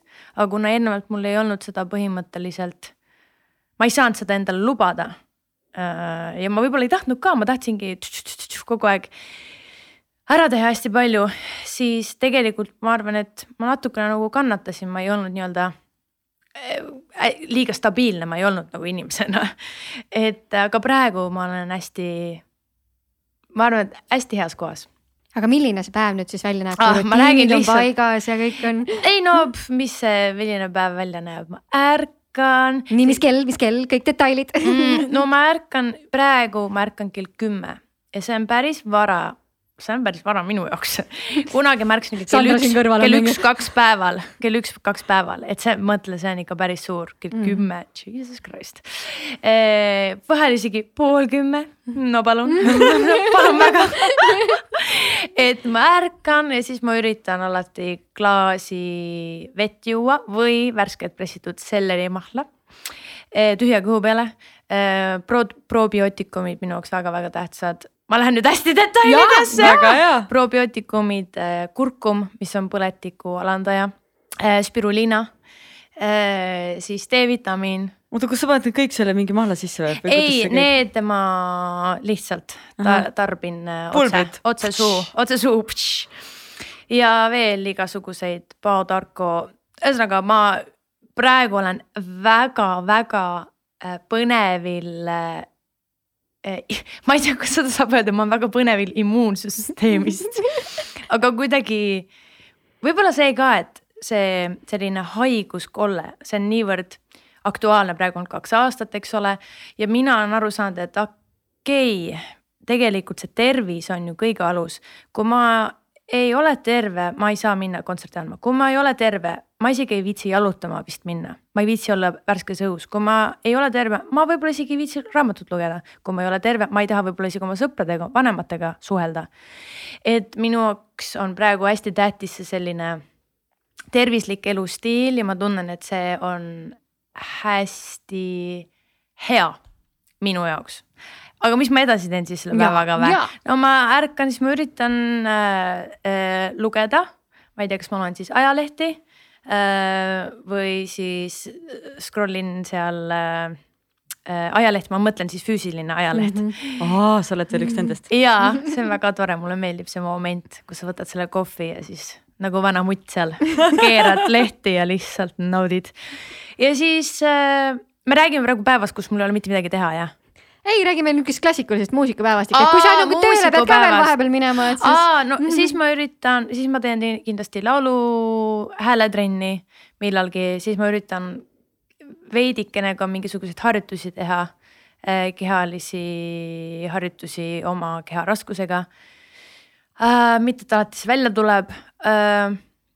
Siis ma ilmselgelt söön, eks ole mm, -hmm. ja siis ma käin soundcheck'is, ma tulen sealt ära, no kui on veel e Tallinnast väljas, siis tegelikult ma lähen juba sinna soundcheck'i kohta juba noh, liiga-liiga vara, noh a la mingi seitse tundi varem, eks ole. miks? no näiteks kui on ööklubi asjad, siis ma olen seal ikka väga kaua pean ootama Mhm. oma, oma järge, aga jah, ja siis millalgi on kontsert, siis ma tulen mingil hetkel tagasi. Aga kas sul äh, stuudioperiood nagu salvestusperiood erineb ka kontsertide perioodist või sa teed mõlemad korraga see väga erineb ja mm, -hmm. ja, ja, ja need seda- on kaks eri, täiesti eri asja. et seda ei mängi välja koos ka on ju, et, et. ei saab, mul kindlasti on olnud, aga ma ei, ei ütleks, et see on minu klassikaline tavaline päev, et ma käin stuudios ja siis ma teen kõiki neid teisi asju ja siis ma kirjutan laule ja siis ma lähen veel esinema. et stuudiosessioonid üldjuhul kipuvad minema äh, päris pikaks ja neid on raske määratleda, et mul on raske öelda, et okei okay, produtsent, ma nüüd tulen ainult kolmeks tunniks ja kolme tunniga me peame olema kõik tehtud. Ja sest, et ma pean siis juba olema kuskil, ma ei tea, soundcheck'i tegemas, et ma ei taha tegelikult tekitada seda survet ja pinget, sest et see on natuke selline loome, loome, mis iganes liblika nagu puuri panemine, et tegelikult sa ei saagi nagu võtta lihtsalt seda hetke, et oled nii kaua, kui oled ja tuleb siis, kui see muusika tuleb või ei tule. Sa kirjutad ise päris palju, kuidas su loomeprotsess välja näeb, kuidas sünnib üks lugu? see väga-väga oleneb, aga ma tean, et on kirjutajad, kes siis eelnevalt näiteks kirjutavad valmi te valmis teksti ja siis hakkavad seda kuidagi ja siis hakkavad mõtlema viisi. minu jaoks see kindlasti nii ei käi, ma isegi ei oskaks vist nii töötada ähm,. Ähm, ma lähtun nii, et ikkagi on viis, see võib olla mingi gibberish äh, language ehk siis keel, mida ei ole olemas, noh demos ongi see magus-valus lugu, see refrään oli tegelikult inglise keeles ja ma ütlesin äh, stuudioperioodi jooksul, et ma, et ärme palun praegu sõnadega liiga palju rõhku pane, et tulevad need gibberish sõnad, mis tulevad. ja ma pärastpoole Tallinnas siis kirjutan äh, ise. Et teeme lihtsalt viisi ja seal oligi all love, teeme näita all love, yeah all love, teeme all love, yeah. et noh, siin ei ole mitte mingit keelt, need on lihtsalt häälikud mm, -hmm. aga oli old love. ma ei tea, kas te panite tähele, et see mm -hmm. nagu oli, siis oli, et okei, okei, see on päris huvitav võib-olla idee, millest siis hakata kirjutama ja siis ma kuidagi üritasin sealt äh, tekitada seda tunnet mm, -hmm. mis siis mul tekkis selle äh, meloodia kuulmisega. et see mingisugune magus-valus, mingisugune asi, et sa oled kuskil kinni, aga samas sa oled, sa oled vaba inimene, sa võid ükstapuha mida teha, aga siis sa tegelikult ei tee. ehk siis sa ei ole tegelikult vaba, aga sa oled. ja siis ma tahtsin sellest tundest ja sellest inimpsüühikast rääkida, et miks me oleme sellised et tahad midagi lõpetada ja siis ikka ei lõpeta ja siis ootad mingit õiget aega. no ma ei tea, tegelikult vist ei ole mingisugust õiget aega, ma ei tea, kelle poolt välja mõeldud see on. et kindlasti väga palju lihtsam on mõelda, et oi, küll tuleb see õige hetk ja õige aeg.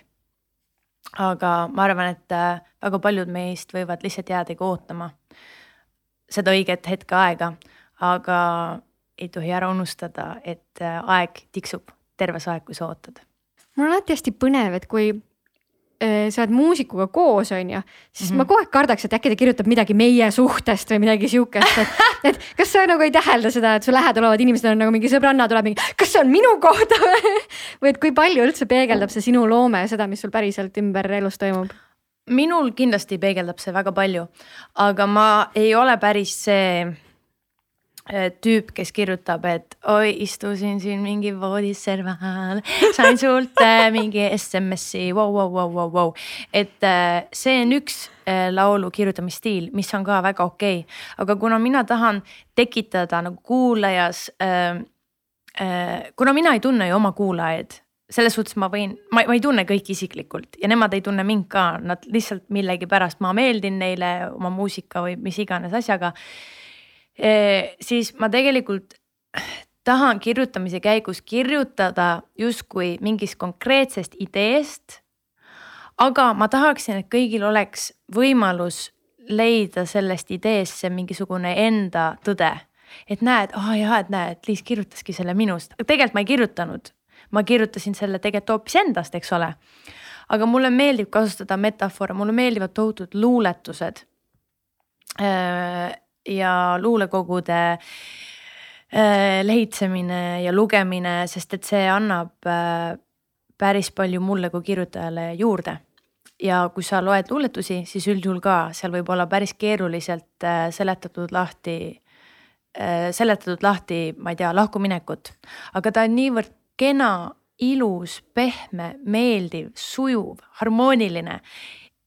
ja see tekitab sul mis, sinus mingi tunde ja ma tahan tekitada natukene seda tunnet.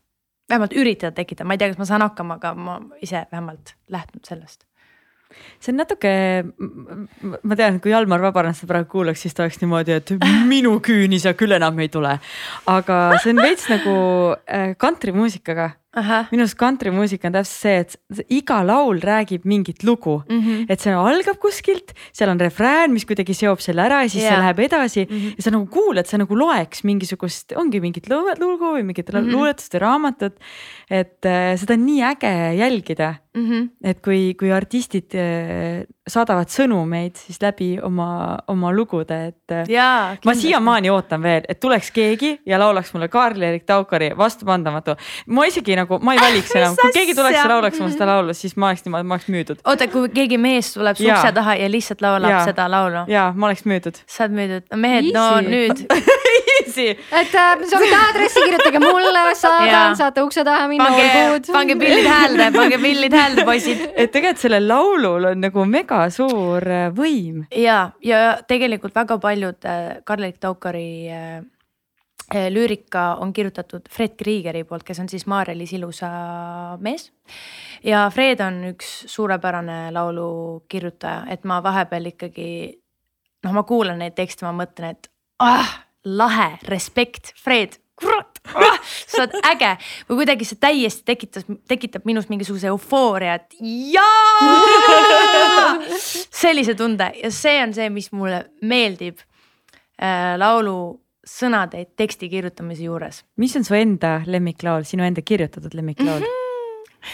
Ähm, ma olen tegelikult Magus valus looga väga-väga rahul ähm, pluss veel see, et äh, ma sain äh, mulle otseselt ei, ei kirjutatud, aga, aga Sandrel, mu manager'ile siis tegelikult kirjutas üks, üks minu meelest A-kategooria laulu tekstikirjutaja. Äh, et talle nii meeldib see laul, aga lihtsalt see, et et Liis on teinud täiesti imelised sõnad. ja ma olin kuidagi, ma olin terve päeva nagu täiesti nagu panniga pähe saanud, kuidagi mu need linnukesed vaata tiirlesid nagu multifilmis niimoodi lihtsalt täielikus pilves olin ja mõtlesin, et issand jumal, kui lahe et äh, kuna see oli minu enda jaoks ka selline nagu märkimisväärne protsess. mul oli, mul oli väga konkreetne idee, millest ma tahtsin kirjutada ja ma lihtsalt tahtsin seda teha võimalikult hästi. ja see, kui see puudutab mingeid inimesi, kes tegelikult on seda nagu nii palju kauem teinud ja neil on nii palju oskusi ja nemad ütlevad, et näe, siis see on täitsa nii, et jah, tõesti, ma saan panniga pähe ja ma olen nagu noh, terve päeva armunud selline tunne, et reaalselt mhm. tekib need endorfiinid ja kõik asjad. et magus valus Äh, on see laul, seal on mingid laused, näiteks mulle väga meeldib see lause. me laused ammu rooste on läinud ja magus valus hüüab taas. et kui sa lihtsalt seda laulad, võib-olla sa ei saa aru sellest seost mm, -hmm. Sisust, ma tahtsin öelda appikene ma jäin korra mõtlema selle peale, et mind kiideti selle ühe inimese poolt ja nüüd mul on täitsa lukus olen. aga kuidagi mulle väga meeldib näiteks see ja seal on väga palju asju, millega ma olen äh, rahul, aga alati ma ei ole rahul, et, äh, et on ka neid päevi. aga kui palju üldse teevad artistid erinevate kirjutajatega koostööd, et kui palju? väga meil... palju teevad ja väga paljud. Äh, ma arvan, et artistid, kes kirjutavad ise oma laulus sõnu, neid on päris vähe. et ma tean, et Sal Saller, tema kirjutab kõik oma sõnad ja Sal Saller on ka tegelikult üks päris hea näide kirjutajast, kes äh, suudab äh, üllatada, vähemalt mind, noh, ma ei tea, võta mingi mojito või. No täiesti mingi pöörane, mingid nööbid olid lahti taevani.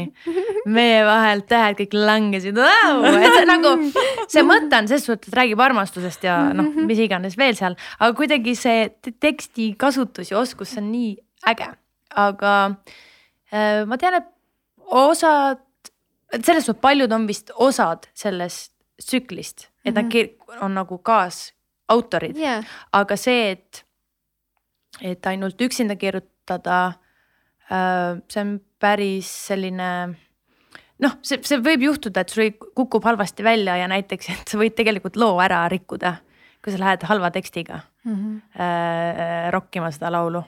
et, äh, et see on väga-väga selline libe, libe tee, aga eks sa pead ise tunnetama, et kas nüüd on see õige või mitte. aga kas sa küsid feed, sorry kas sa küsid nagu feedback'i ka, et sulle endale tundub, et okei okay,, nüüd ma sain need sõnad just nii mm -hmm. täpselt, okei okay,, et enne salvestada või sa ikkagi saadad ka kellelegi, et. ma saadan arvad? Sandrale, oma mm -hmm. manager'ile äh,. sa võid mulle ka saata vabalt ma saadan Sandrale. kõigile Sandratele. ma saadan kõigile Sandratele Eestis.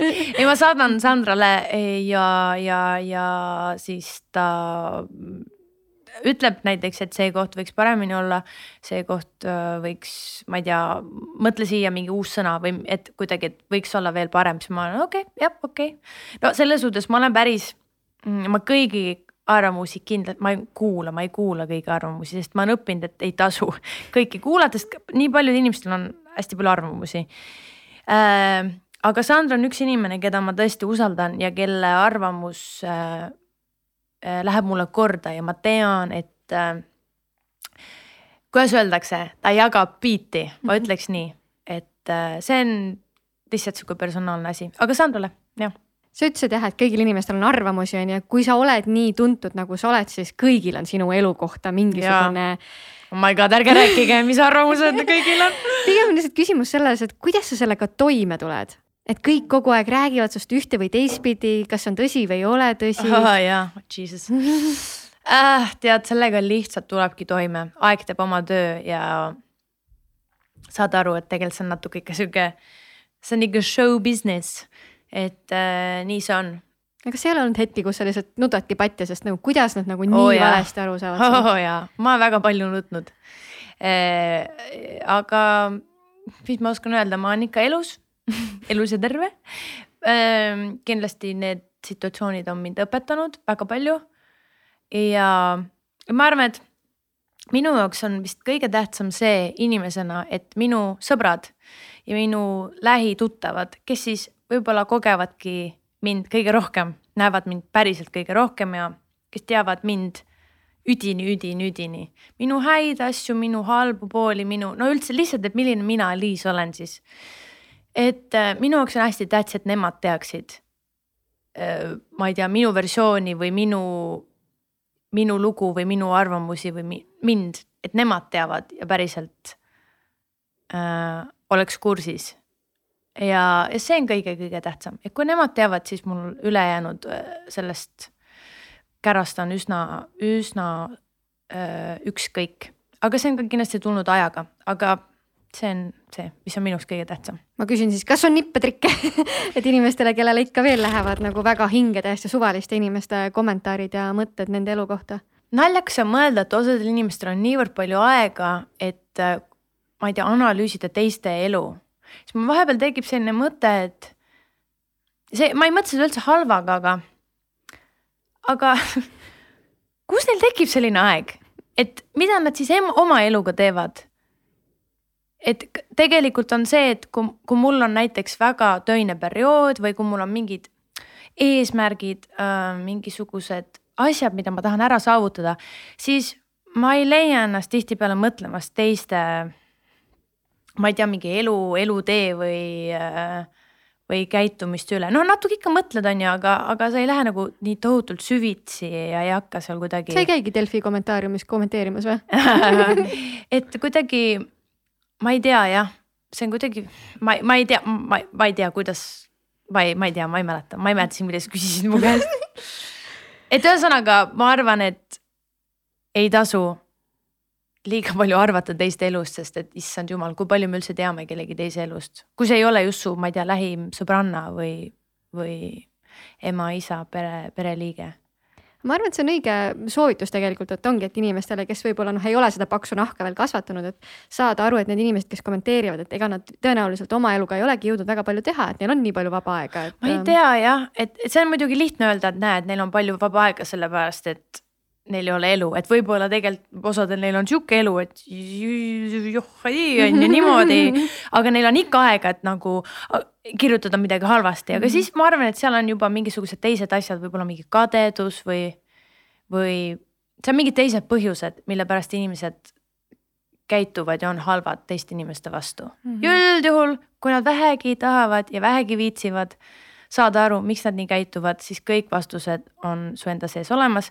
ja väga palju tuleneb lapsepõlvest. nii palju ma olen aru saanud, et me oleme ikkagi oma lapsepõlve äh, mingisuguste rutiinide või mustrite orjad, ma isegi ütleks, et nendest on raske välja murda mm -hmm. ja, ja see mõjutab meid väga-väga-väga palju no me oleme hästi palju rääkinud äh, sinu muusikukarjäärist, aga ja. tegelikult sa oled ka näitlejana oh! kätt, kätt proovinud, kuidas sa selleni jõudsid? selleni ma jõudsin tead täpselt nii hästi, et mul lihtsalt tehti pakkumised, et ma ise ei ole käinud kuskil uste taga auditioneid tegemas või, või ma ei ole lootnud, et oi, et keegi nüüd mind kuskilt üles korjaks ja, ja nüüd ma hakkaks sellist Hollywoodi filmi siin tegema, et see on kuidagi jah, läbi juhuse. Aga võtsid kohe vastu, kui tuli, kui me näiteks räägime Eia, Eia jõulud tondikakul oli see film, eks ole mm. -hmm. et kohe, kui see pakkumine tuli, sa olid niimoodi, et davai, muidugi, teeme ära. ei, kindlasti mitte, et ma olen äh, üsna selline nagu kaalutlev inimene ja mul on raske, mul on pigem raske teha otsuseid nagu kiireid otsuseid, ma suudan absoluutselt, aga ma, need ei ole mu lemmikud, aga ma olen ennast treeninud. aga seal oli juba lihtsalt see küsimus, et oota, aga mis see siis tähendab, kes ma siis seal olen, ma hästi palju küsimusi Sandrale kohe. ja siis oli, et okei okay,, et tead, et, et äh, ärme isegi mõtle edasi, et sa pead üldse minema see auditionile eelnevalt, et see mm -hmm. ei mhm. olnud see, et mulle pakuti rolli, näe Liis, kandiku peal, näe, sa ei pea mitte midagi tegema, lihtsalt ole see ette. Et tegelikult seal oli päris palju erinevaid äh, auditioneid, ma ei mäletagi, mitu tükki ma tegin, päris, päris mitu ikkagi. enne kui siis kinnitati ära, et jah, Liis, sina oled see välja valitu. kuidas sa täna tunned, kas sa tahaksid veel äh,? ja tahan, ma jah, ma võin julgelt öelda, ma kuidagi tunnen, et äh, kui me eelnevalt rääkisime sellest, et inimestes on äh, nii palju eri külgi, eri pooli, siis mina tunnen seda absoluutselt ka enda puhul. mulle meeldiks võib-olla olla või proovida olla keegi siis, kes, kes võib-olla ei olegi niivõrd mina, mingisugune karakter, kes siis on, ta ei pea täiesti risti vastupidi olema minule või, aga no ühesõnaga midagi, mis on minu jaoks ka justkui nagu väljakutse. väljakutsuv jah, et väljakutse äh,. sest ma arvan, et mul tõesti tegelikult see olemas on, ma muidu isegi ei julgeks seda välja käia, aga mm -hmm. ma mhm. tõesti arvan, et ma suudaks. ja ma oleks kindlasti väga huvitatud, et see oleks lahe, ehk siis jaa, kindlasti. kuidas kasvatada endas sellist äh, enesekindlust ja seda, et jah, ma suudan oh,? Oh, see, see on ikka nii keeruline. no kuidas sina seda teinud oled, lihtsalt oma, oma kogemusest, et äh, mis, mis sa tunned, mis sind on aidanud? ma tunnen, et enesekindlust süstib õige mõtlemine või tervislik mõtlemine. ma olen sellest vist hästi palju, ma kogu aeg nagu räägin sellest, et see, kuidas sa mõtled ja, ja see eneseanalüüs. et enesekindlust vist toob, see tulebki siis, kui sa saad aru oma vigadest ja sa ei ole nagu pahane selle peale. või sa ei ole negatiivselt häälestatud oma vigades, okei okei, no vaata, no vaata, vaata, no selline ma olengi, no vot, eks ole. aga siis on see küsimus, kas sa tahadki selline olla või on seal mingi põhjus ja siis sa tegeled sellega ja siis kui sa oled saanud mingisugused alusasjad paika, siis üldjuhul see enesekindlus ikkagi ta ikkagi tuleb, ta hiilib ligi. ta ei tule sõrmenipsust, absoluutselt mitte, see on pikk töö. ma arvan, et osad täiskasvanud, issand, ma olen ka ju täiskasvanu nüüd, aga osad täiskasvanud, võib-olla isegi on viiekümne aastased meesterahvad, naisterahvad, kes ei ole ikka veel võib-olla piisavalt enesekindlad. aga see kõik on võimalik läbi iseenda. aga kui paljud viitsivad sellega tegeleda, ma ei tea, aga kindlasti seal on väga palju äh, tagasikukkumisi ka. et äh, kukud, siis tõusid jälle püsti, siis proovid uuesti, siis saad jälle kuskile löögi, kukud jälle. et äh, selline retk, retk on see, ma ütleks. kas sul on mingisugused, äh, et sa, sa, sa oled mitu korda öelnud, et sa teed iseendaga hästi palju tööd. et mis need asjad on, mida sa teed?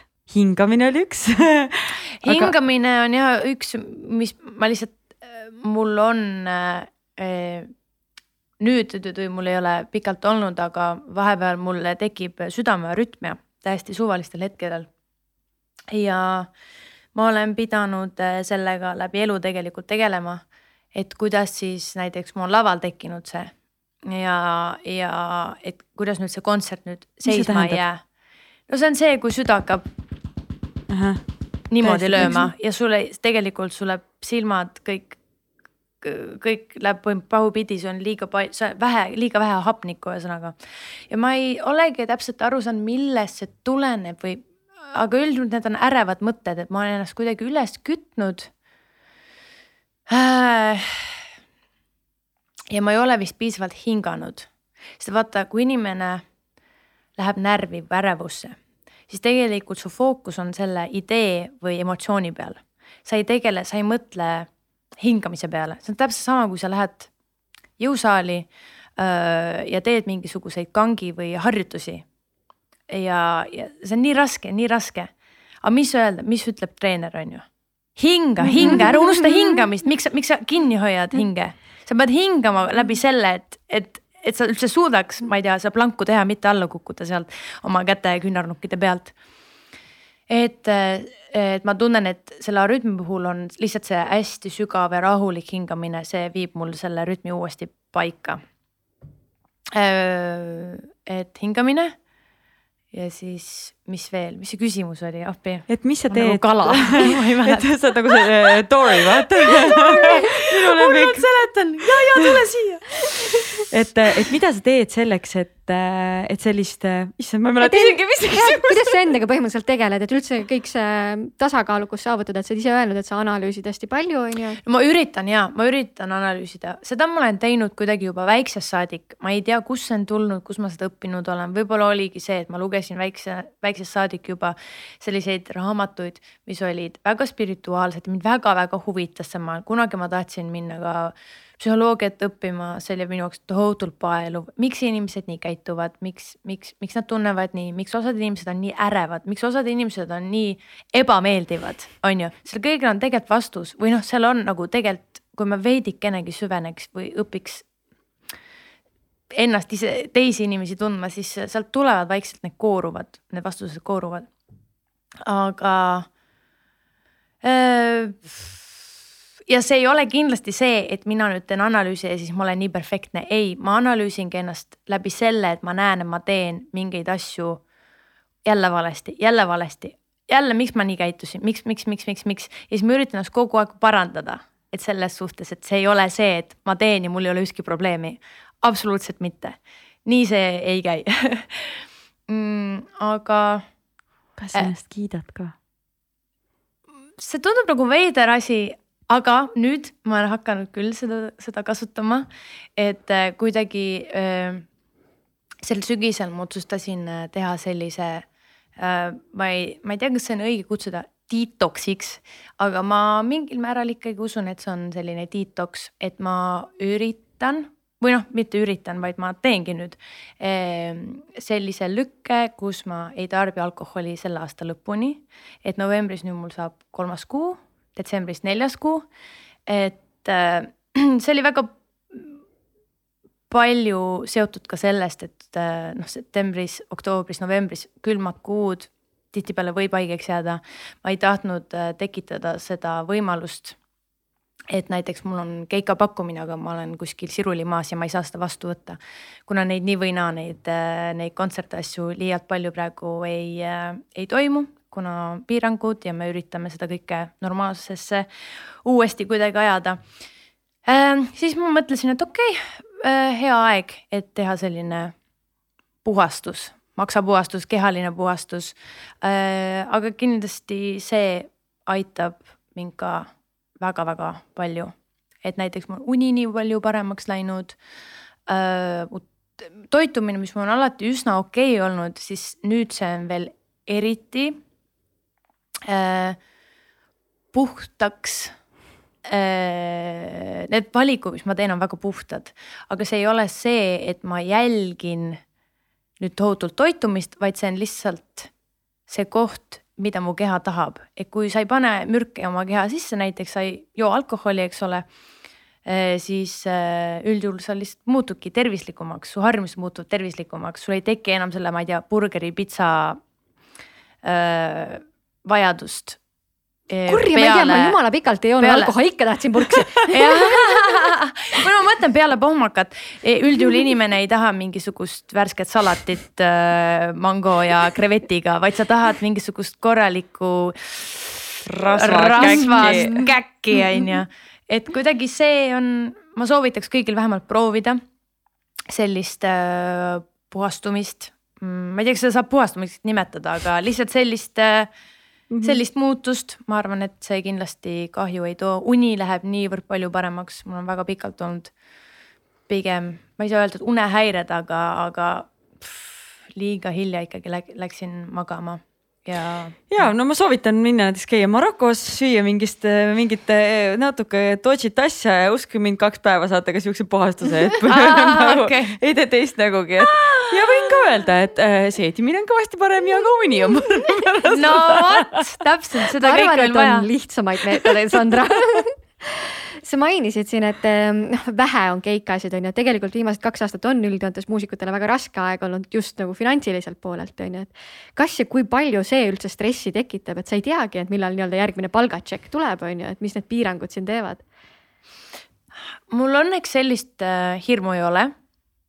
Sellepärast, et äh, ma arvan, ma käin rahaga üsna äh, teadlikult ümber. et ma ei ole kindlasti äh, big spender, kulutaja, ma väga mõtlen põhimõtteliselt iga kulutuse läbi.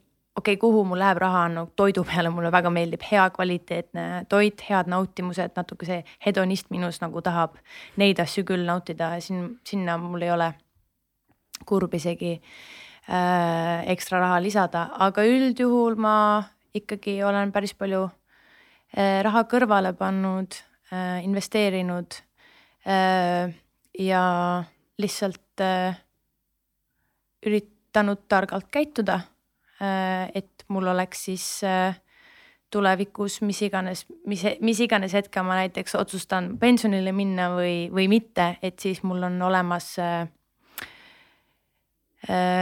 selline väikene osa, mis muudab selle mul kindlasti väga palju lihtsamaks Vau, kust sul need teadmised tulevad, kas seal nagu kodus räägiti rahateemadel niimoodi või? mind on väga palju kindlasti mõjutanud mu isa, kellega me räägime. Äh, ja mm, isa, ma ütleks sada, sada kümme protsenti. kas talt tulevad need stokitipid ka, et mida osta ja mida mitte, et kui investeerida ähm,? Ei, kindlasti eelnevalt, kui me, kui me kuhugi midagi paneme, me nii-öelda nagu räägime läbi. Äh, ja mm, noh, lihtsalt, et see raha on pangakontol, ma arvan, et see ei ole tark, ükstapuha, kui suur see summa siis on või kui väike. et, et see on jah, selline nii-öelda nagu igapäevane harjumus nagu ma ei tea, hamba pesemine või nii, et, et sa teed selle lükka, paned mingi X summa. ja siis lood tegelikult läbi selle endale paremat tulevikku. nii äge kuulda kõik muusikud, võtke õppust, investeerima, investeerima ja säästma, säästma kõik inimesed kõik, kõik inimesed, ja, ja täiesti tõsi. sa tegeled, sul on, ütleme niimoodi, et sul on päris impressive äh, Instagrami konto hmm? ma, ja ma ei räägi ainult nagu jälgijaskonnast, vaid ma räägin ka sisust mm. -hmm. minu arust sa teed väga ilusat äh,, väga ilusat sisu. oi, aitäh kui palju sa üldse mõtled selle peale, et su kanal on justkui nagu koostöökanal versus see, et see on sinu personaalse brändingu kanal? ma arvan, et minu Instagram on kindlasti personaalse muusiku Liisi, Liis Lemsalu kanal, kui see, et ma seal tohutult äh, üritan oma jälgijatele rääkida, et näed, ostke seda vett, sest et see on kõige parem vesi.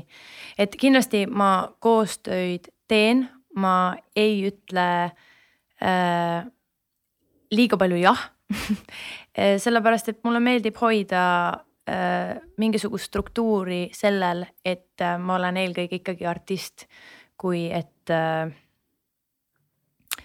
äh, sotsiaalmeedia mis see nüüd on see sõna, mis ma otsin? sisulooja. sisu, ah täpselt. või no vabandust, ametlik sõna on suunamudija. suunamudija jah, et äh, ja, et kui on mingisugused asjad, mis mulle meeldivad ähm,, mida ma olen ise katsetanud äh, ja mis toimuvad, siis neid ma ilmselgelt äh, hea meelega võtan vastu, aga pigem päris palju ütleme ikkagi ei. kui nüüd bränd tahaks saada kindlasti jah, siis kuidas ta sulle lähenema peaks, et ta saaks selle jahi kätte? Hea pakkumise tegema aga ütleme nii, et äh, kindlasti on mul olnud väga häid pakkumisi, aga lihtsalt äh, see bränd ei ole läinud kokku minu vaadetega näiteks. ja ma olen selles suhtes ikkagi Äh, loobunud äh, päris headest äh, summadest lihtsalt tänu sellele, et ma arvan, et kuna ma igapäevaselt ei tarbi, ma ei tea, mis iganes asja mm. -hmm. Ma arvan, ma pigem üsna nagu tervislik inimene, siis see on naljakas, kui ma hakkan, ma ei tea, mis iganes asja seal mm -hmm ütlema, et näed, see on lahe, võtta osa, kui ma tegelikult ise selle nagu sellist asja endale sisse ei paneks mm -hmm. või ei, või ei kreemitaks ennast mm -hmm. sellega või no mis iganes, on ju. -hmm. et ähm, otsused, otsused, otsused. no aga siin ikkagi Hollywoodi staaridel ja suurtel äh, Ameerika staaridel on kõigil on omad tekiilad ja mingisugused. muideks ma olen vaadanud ja, ja et kõik, ma just vaatasin, et Jennifer Aniston on nüüd tulnud välja oma juuksebrändiga mm. -hmm. no see no,. Need juuksed, come on täpselt, täpselt, täpselt. et äh, kas sa ei ole mõelnud, et äh, midagi oma, no muidugi sa oled merch'i teinud ju mm. -hmm. Sinu kiisupildiga kotid ja, ja kõik lähevad nagu niimoodi. ja äh,, ja ma olen, ma, ma tegelikult olen päris pikalt mõelnud, et äh, kuna ma olen üsna äh,, ma arvan nagu visuaalne ja piisavalt võib-olla isegi mul on selline kunstniku hing sees, et mulle meeldiks võib-olla tõesti midagi luua, teha. Aga kuna mul ei ole olnud seda visiooni, seda, seda kiirt taevast pilve seest, mis tuleks ja see muusika oleks ja siis ta ütleks mulle, näed, et see võiks olla see. äh, siis ma ei ole jah kuidagi nagu rutanud mm, midagi looma veel, aga mul on olnud küll mingisugused nagu tundmused, et ma midagi võiks, midagi võiks, aga nagu mis, ma ei tea. Küll see tuleb õigel ajal. võib-olla tõesti jah. aga sa teed nii palju asju, kas sa mingi hetk ei tunne, et okei okay,, ma olen nüüd läbi põlenud, et see nagu cancel, et ma olen üle pingutanud uh,? ma arvan, et minu selline hmm, tüpaaž on pigem see, et mulle meeldib teha asju ja mul ei ole probleemi, kui on hästi palju asju korraga eh,. probleem on ainult see, et, et kui hästi ma nüüd neid kõiki asju suudan ära hallata. Aga üldjuhul ma, mulle meeldib, mulle meeldib, kui on palju teha. Eh, aga ma arvan, et nüüd eelmine aasta siis, kui see Covid algas, siis äh, ma, me saime kõik sellise nagu sundpuhkuse ja mina veel eriti, et äh, kindlasti inimesed, kes läksid kontorist koju tegema tööd, siis neil võib-olla lihtsalt muutus see äh, füüsiline koht, kus nad olid, aga mul konkreetselt kadus ära äh, võimalus teha seda tööd, mida ma olen siis tegelikult teinud, on kümme aastat, eks ole ja ma arvan, et ma olin tegelikult päris mm, väsinud küll. aga kui sa oleks küsinud kaks tuhat üheksateist aasta detsembris mu käest, et kaks tuhat kakskümmend on tulemas, nii, mis, mis, kuidas sa ennast tunned, siis ma arvan, et nagu siiralt ma oleks öelnud, et ma tunnen ennast ülihästi, ma olen nii valmis, teeme veel, teeme veel suuremalt, teeme, aga tegelikult ma olin ikkagi veidi, veidi kurnatud milles see, kuidas sa aru said? et, et ma olen kurnatud? jah, et kui, siis, kui see moment tekkis siis, kui ma pidin lihtsalt selles momendis olema, ma ei tea, kasvõi et juuksed hakkavad palju, palju rohkem kasvama mm, -hmm. ei katke, ma ei tea. nahk on, ma näen välja, puhanum välja. lihtsalt sellised asjad, mida ma nägin oma, oma keha pealt. see, et ma sain normaalselt magada, ma ei jõudnud kell viis hommikul koju. ja siis, kui sa jõuad hommikul koju kell viis kuskilt, siis ega sa ju kohe magama ei lähe, sest sul on see adrekas on ikkagi põhjas ja siis sa oled kuskilt seitsmeni tiksud ja siis alles lähed magama, no ühesõnaga, et, et see rütm, mul oli nagu nii ebaselge, see rütm kõik oli nagu nagu väga paljudel muusikutel ilmselgelt, mitte ainult minul, aga mulle see paus ja see arusaamine tuli siis, kui ma lihtsalt olin sunnitud olema selles olukorras, ega enne ma arvan, ma ei olekski aru saanud aga kas sa nüüd paned nagu täiskäigul edasi, nii nagu enne või sa oled midagi nagu muutnud ka? ikka täiskäigul edasi, sest et see täiskäik edasi ongi see, et ega siin ei saa nii jõhkralt edasi panna või noh. ta on juba rahulikum oma eos. ta on juba hästi palju rahulikum mm. -hmm. ja eks ma siis üritangi praegu nautida seda mm,. ma olen tubli äh, üritan oma immuunsust veel rohkem boost ida, et mitte haigeks jääda, olla terve kirjutada muusikat, teha sessioone ja olla valmis järgmiseks aastaks no see pandeemia on ilmselgelt üks probleem, mis meil ühiskonnas on, aga sellega tegeleb meil siin valitsus on ju, aga mm -hmm. kui sa vaatad. oled sa kindel kui sa vaatad üldiselt ühiskonnas ringi mm, -hmm. kas sa näed, et on mingeid asju, mida me võiksime inimestena paremini teha? üksikindiviididena? no ühiskonna, lõpuks üksikindiviidid moodustavad ühiskonna on ju, et eks alati hakkab ju endast pihta on ju. Ma võib-olla, kuna ma ei ole ise kunagi käinud äh, äh, ei psühhiaatri ega psühholoogi juures. Äh, ma arvan, et miks ma ei ole sinna sattunud, on lihtsalt puhtalt läbi minu enda oskuse oma kasvõi parimate sõbrannadega, kui me räägime, siis me üldjuhul lähme väga-väga-väga süvitsi. aa, miks sa nii tunned, oota, aga äkki see on sellepärast ja äkki see on sellepärast ja kas sa oled täheldanud, sa tegelikult teed seda hästi palju. ja siis ühesõnaga selline nagu väga äh, süvitsi minev vestlus ja kuna mul on see olemas ja ma tunnen, et see muudab mind hästi palju normaalsemaks ja paremaks inimeseks. aga mulle tundub, et kõigil ei ole seda. ehk siis, mida ma võib-olla tõesti tahaksin, eh, on see, et inimesed natukene rohkem tegeleks iseendaga. ja kui sul ei ole võimalust või see tundub sulle tobe, kuidas ma nüüd hakkan iseendaga tegema, kuidas ma, ma ei tea, kirjutan või loen mingit raamatut. siis mine ja leia, ma ei tea, professionaalne keegi, kes paneb, avab su nagu raamatu, avab selle luku. kes siis näitab sulle, mille pärast sa oled selline, nagu sa oled. ja siis ma arvan, et läbi selle otsuse ja läbi selle sissevaatluse saavad inimesed, reaktsioonid, arvamused, energiad, need saavad ainult paremaks minna, aina paremaks. aga sellist asja meil ei ole antud hetkel äh, Eestis äh,. ei noortele või võib-olla on äh, mingisugused äh, koolipsühholoogid või need. aga see on ikkagi noore jaoks natuke liiga kauge, see tundub natuke nagu selline vanem naisterahvas, äh, kes tegelikult ikkagi nagu hindab sind ja sa ei taha, et sind hinnatakse, sa tahad lihtsalt nagu, et sa saadki rääkida oma, ma ei tea, hästi nõmedatest pooltest, aga läbi selle, et keegi ei ole, et näe, vaata, milline sa oled, oledki selline nõme. et see, see, ma ei tea, psühho, psühholoogi, psühhiaatri tasuta tunnid äh, kõigile inimestele Eestis ja ma ei tea, pool aastat ja vaataks, kus me kõik siis äh, äh, oleme ja kas on midagi muutev. ma tõesti südamest arvan, et see on poole aasta pärast võib-olla me oleksime kõik väga katki aga nagu see on ainult tee paremuse poole, on ju. või siis ja. sellised sõbrannad ja sõbrad ümber nagu, nagu sinul on.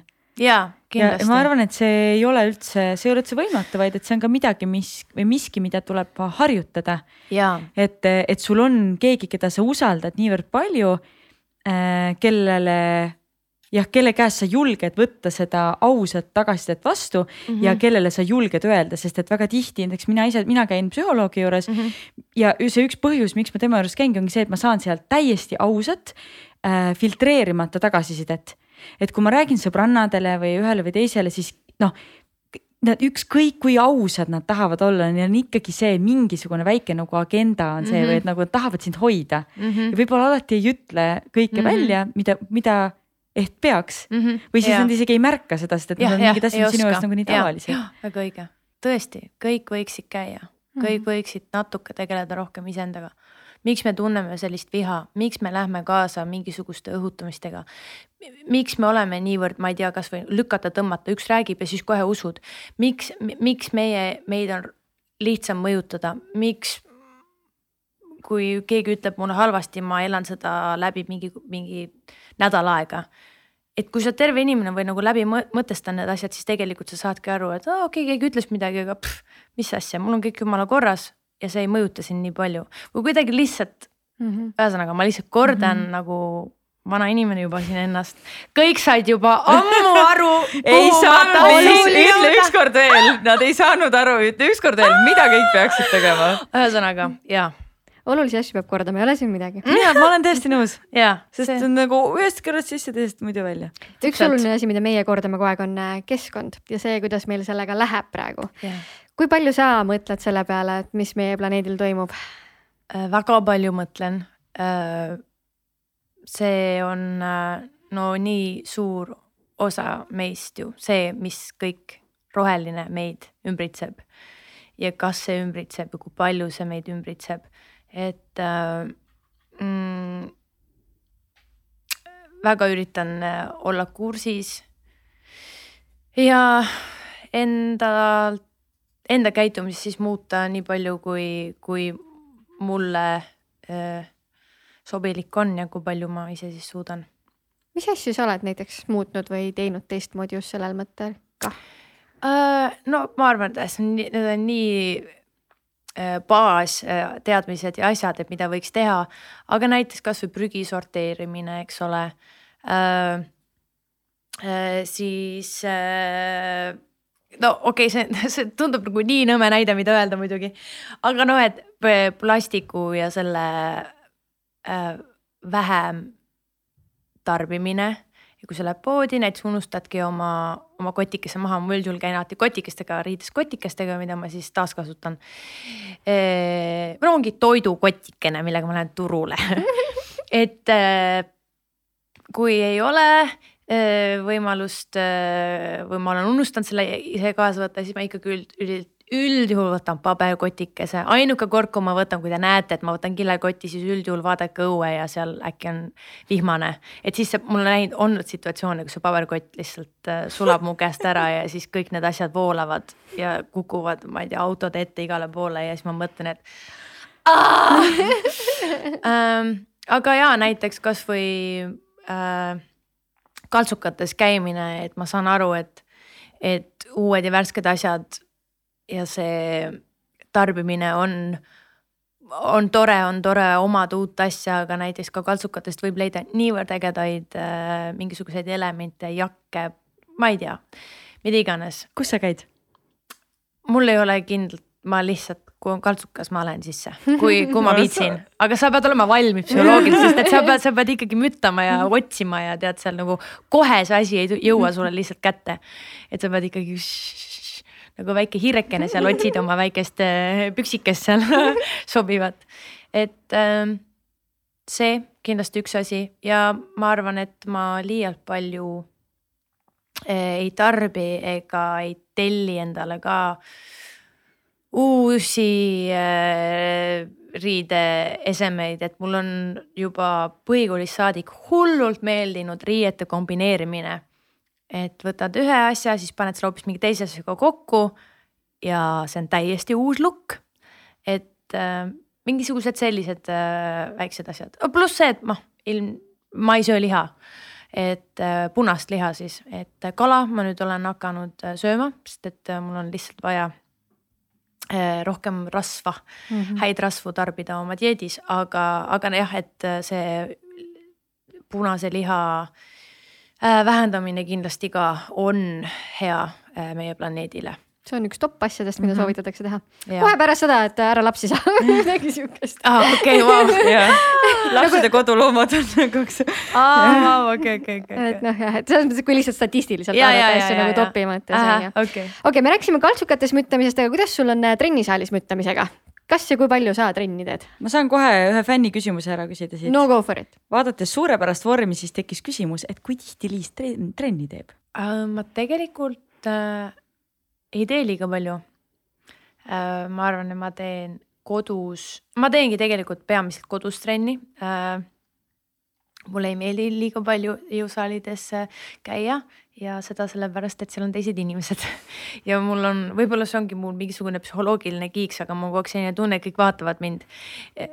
ja ma ei taha, et keegi vaataks mind nii tohutult, kui ma higistan või teen mingeid naljakaid harjutusi. Liis aga..., ma arvan, et nad vaatavadki aa, no ma täpselt. ei, sest, ja kuule, come on, kui ma ei tea, ütleme. sinust on raske mööda vaadata. Taylor Swift tuleb ja teeb seal trenni, ma ainult vaataks teda, no ma ei, ma ei, ma ainult jookseks ta taga ja teeks kõiki harjutusi ja stalgiks teda.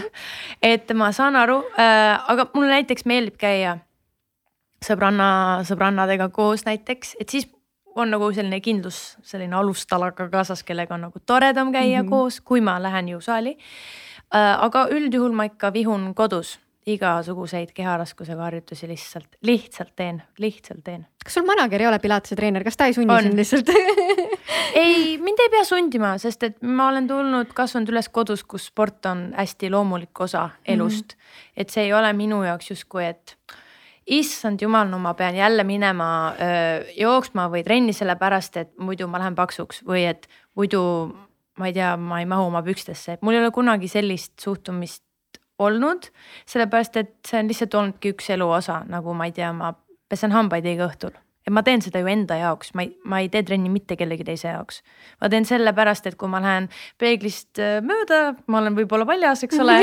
ja siis mul on see moment, kus ma vaatan oma keha ja siis ma vaatan, et näe, no vot, tubli, et, et Evelin Võigemast ütles sama asja. ainus põhjus, miks ta trenni teeb, on selle jaoks, et seksikas voodis välja näha et äh, ilmselgelt ja kelle jaoks veel, ma ei, ma ei kujuta ette, ikka enda jaoks muidugi aga kui sa teed kodus eh, ise trenni, kas sa teed mingite kavade järgi kuskilt Youtube'ist või sa lihtsalt ise peast mõtled, nii nüüd ma teen kükke, nüüd ma teen planku ja. mul on selles suhtes, kui ma ei tea, internet, näiteks kui ma olen reisil ja ma ei tea, ma olen kuskil katuse peal ja, ja internet ei ole hea või midagi seal ei funka, siis mul on ilmselgelt mingisugused harjutused, mis, mida ma lihtsalt tean, et toimivad, on head minu keha jaoks eh, ja annavad sellise kiire mm, äh, vormi aga mulle väga meeldib Youtube'is äh, käia ja klikata läbi neid erinevaid äh, treenereid ja tegijaid seal, et äh,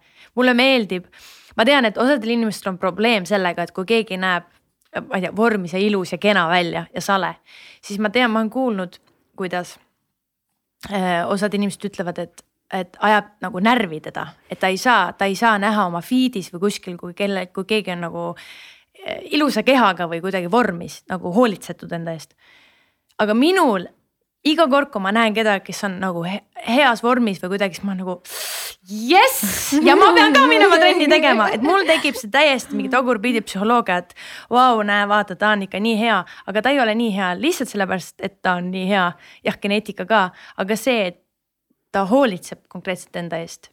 ja mulle meeldib näha, kui on ilus naine Youtube'is, ta teeb igasuguseid harjutusi ja siis mind see nagu kütkestab ja annab niivõrd palju jõudu juurde mm, -hmm. et konkreetselt läbida see treening, sest ma arvan, et kui ma lõpetan selle, siis ma näen ka sama hea välja oota, aga sa ütlesid, et sul on nagu mingid, mingid harjutused, mis sa tead, et töötavad väga hästi. mis need harjutused on, ma lähen koju tegema. Nii uh, minu selline hästi suur lemmik juba põhikoolist saadik, ma ei tea, kus mul see obsessioon tekkis, aga on tuharad mm. -hmm. praegu natukene ma olen võtnud rahulikumalt, aga juba ma ei tea, keskajas mul oli üks sõbranna, kes praegu elab äh, äh, Londonis ja me tegime, me käisime hästi palju liikumas, kõndimas ja siis me kogu aeg tegime tuharaharjutusi kogu aeg, ära küsi, miks, me lihtsalt tegime kogu aeg tuharharjutusi. ja neid tuharharjutusi ma ikkagi, neid mulle meeldib teha, mulle meeldib teha jalgadele trenni mm. -hmm. ja siis mulle meeldib ka kõhulihaseid ja igasuguseid neid erinevaid. kerelihaseid jah? kerelihased, no ühesõnaga kõik need võimalikud harjutused, mis on, neid ma üldjuhul teen hmm mul ei ole nagu üht. ma mõtlesin, et kas äkki, äkki jõutõmme on vaata see nagu saladus Bulgaaria kükk, et no kui sa oleks öelnud, siis ma hakkaks tegema ei, Bulgaaria meeldib... kükke, ma vihkan neid südamest, aga mulle, ma ei tea, mis asi on Bulgaaria kükk? see on see, kui jalg on siin taga ja teine on ees ja siis teed nagu alla kükki, vaata. aa, mõnus ju aga see on väga aga mulle meeldib tegelikult hip-tipp, ma ei tea, mis mm -hmm. eesti keeles on, hip-tipp, neid ma küll teen ongi lihtsalt puusa tõstad või? ei äh,, ei, see on see, kus sa oled küünarnukk, küünarnukk ja sa oled nagu plangus uh. -huh. aa ja siis teed küljelt küljele või? ja siis nagu oh, tipid. see on nagu, kerele mega hea. ja siis nagu pepu liigub tümm või ja see, see on päris, see on päris hea. ma arvan, et äh, kui Liis Lemsalu hakkaks äh, trennivideosid tegema, siis oh my god, palun tee Youtube'i lihtsalt. koos, koos Velskriga. ja siin ja, ongi ja, üks ja. fänni küsimus kohe, kas sind tihti aetakse sassi Liis Velskriga jaa, kogu aeg, nii haige siis, kui ma Liisiga sõbrannaks sain, siis hakkas see kõik kõik äh, pihta. hakkate tihti sassi ajama? ja, ja kogu aeg trennis veel eriti kuule, aga võtamegi siit jälle ühe fänni küsimuse enne soovituste nurka äkki. nii, appi. kui sa kohtaksid kuldkala, kes mm. täidaks ühe inimese soovi, siis kelle soovi sa ta täitma saadaksid? Reverse psychology, isegi mitte isegi minu soov, vaid ei. kellegi teise soov. appi, ma ei tea ma arvan, et ta võiks Park stuudiosse tulla küll, see kalakene. kuidas kalasid kutsutakse? ja, ja, ja ma ei tea, issand, kui keeruline. ma tahaks teada, kas see inimene ise teab, kellele tema selle annaks. seda ma ei tea. ma ei tea, ma arvan, et see jääks ikkagi kuidagi minu nagu pere või tutvusringkonda. ma arvan aga noh, kellele, ma, eks ma, ma lähen nüüd mõtlen mõtle ja anna meile pärast see vastus, ma kiirelt küsin ühe veel, sest tegelikult see on jumala hea, ma tahaks isegi teada kas Nubluga kunagi koostöö plaanis on äh,? mulle üldse tegelikult meeldib räppmuusika ja selline. no see Reketikalol oli päris hea. see oli päris hea, ma olen väga-väga nõus äh,. ja ma arvan, et äh, kindlasti, kui oleks mingisugune hea ja toimiv lugu, siis miks mitte Davai, Nublu. jääme ootama. Do it. ükstapuha, kes, ükstapuha, kes, kes äh, räppar siis tegelikult kui on hea laul. Davai, nii, aga siis äh, soovitused viimasena. üks asi, mida iga inimene võiks õppida. Võib-olla see olekski seesama soovitus, mida me eelnevalt siis soovitasime tervele Eesti riigile. Et, äh, et Äh, leidke see aeg tegeleda iseendaga ja enda emotsioonidega või siis leidke inimene, kellega te saate rääkida ausalt ja siiralt ja siis jõuate päris paljude vastusteni mhm. võib-olla, mis võib-olla teid ärevaks teevad või mille pärast te olete selline, nagu te olete, kui kellelgi on sellised küsimused, mhm. mul küll on vahepeal. see on tore. sama, sama. ma arvan, et ma ütleks sedasama mm -hmm. ja tehke seda. see on väga hea soovitus mm. -hmm nii, järgmine soovitus, üks teos, mida iga inimene võiks äh, tarbida, olgu see siis raamat, podcast, näidend, lugu. E, Eesti raamatutest ma soovitaks väga lugeda Vahur Afanasjev, äh, kes enam kahjuks ei ole meie seas, aga tema romaani Serafima ja Bogdan. Äh, see on hästi paks raamat, ma arvan, et see võib päris ehmatav olla alguses, kui sa saad selle piibli kätte ja, ja siis mõtled, et oss-oss, et nüüd ma peaks selle vist läbi lugema. et äh, minul algselt tekkis see tunne, issand, see on nii paks, kuidas noh, kuidas üldse nüüd nagu üldse, kuidas ma algust teen, aga see on kuidagi üks raamat, mis mind väga puudutas, see räägib eestlastest äh,, vanausulistest äh,, ta on teise maailma Eh, teise maailmasõja ajal nii-öelda kirjutatud ja siis tal põhimõtteliselt, noh, ühesõnaga ma liiga palju ei räägi, aga jõuab siis mm. -hmm. ta on e-, eestlaste ja Eestiga ja kuidagi meie kõigiga see kultuur, see kõik, kuidas elule vaadati, hästi huvitavalt kirjutatud. Äh, üks super teos minu meelest Äh, võiks olla ka kohustuslik kirjandus minu meelest, kindlasti lapsed oleks, oh sa Liis, võta nüüd väga rahulikult need piiblid siin soovitad kohustuslikuks kirjanduseks, no ta on tõesti hästi paks, aga ta, temas on mingi võlu. ja siis on võib-olla isegi podcast'e ma olen hakanud nüüd äh, väga palju kuulama. Just selle aasta sees ja eelmise aasta sees äh,. aga enne seda, kui toimus see pööre, et me olime kõik kodudes kinni ja siis olimegi väga palju üksinda ja käisid jalutamas ja siis võib-olla kogu aeg muusikat ei tahagi ja raamat ka käes ei käi, eks ole. siis ma hakkasin podcast'e kuulama, aga üks podcast, mida mulle tohutult meeldib kuulata, on uh, How stuff works mm. -hmm. see on hästi uh, arendav ja lahedalt uh, lahedalt käsitlevad siis erinevaid tohutult erinevaid teemasid ja siis üks, mis ma nüüd, uus podcast, mille ma leidsin täiesti suvaliselt mm,. mul vist saadeti see, eh, on The Skinny Confidential. seal on ka hästi palju, hästi palju erinevatel teemadel. ma ei, isegi ei oska, alustades ajudoktoritest kuni ma ei tea mis iganes uneni mm -hmm. kuni ma ei tea, mingi ilu, iluasjadeni, lümfi, lümfideni. põhimõtteliselt kõik asjad mm -hmm., ühesõnaga mulle meeldib kuulata selliseid võib-olla rohkem nagu arendavamaid äh, podcast'e, mis mulle mhm. siis rohkem annavad, et ma ei ole, kui teil on midagi soovitada peale teie enda podcast'i, eh, ma mõtlen midagi, mis oleks selline kerge kuulamine ka või selline, kus inimesed käivad ja lihtsalt räägivad siis andke mulle, andke mul mulle see on okay. sihuke list seal, et. sest et mulle, ma, ma ei ole, ma olen ainult kuulanud selliseid. ma saadan sulle mm. -hmm. saada, saada. ja see raamat ka nii ja viimane soovitus, üks koht, mida iga inimene võiks külastada. oota, mul on kahe vahel praegu. no ütle kaks. ma ütleks Lõuna-Aafrika mm,. Eh, just selle looduse loodus on seal niivõrd mitmekesine, nii mit-, nii mitmekülgne äh,. Äh, ja siis on ka tegelikult Zanzibar on tohutult nee. äge. just book isin piletid päriselt või?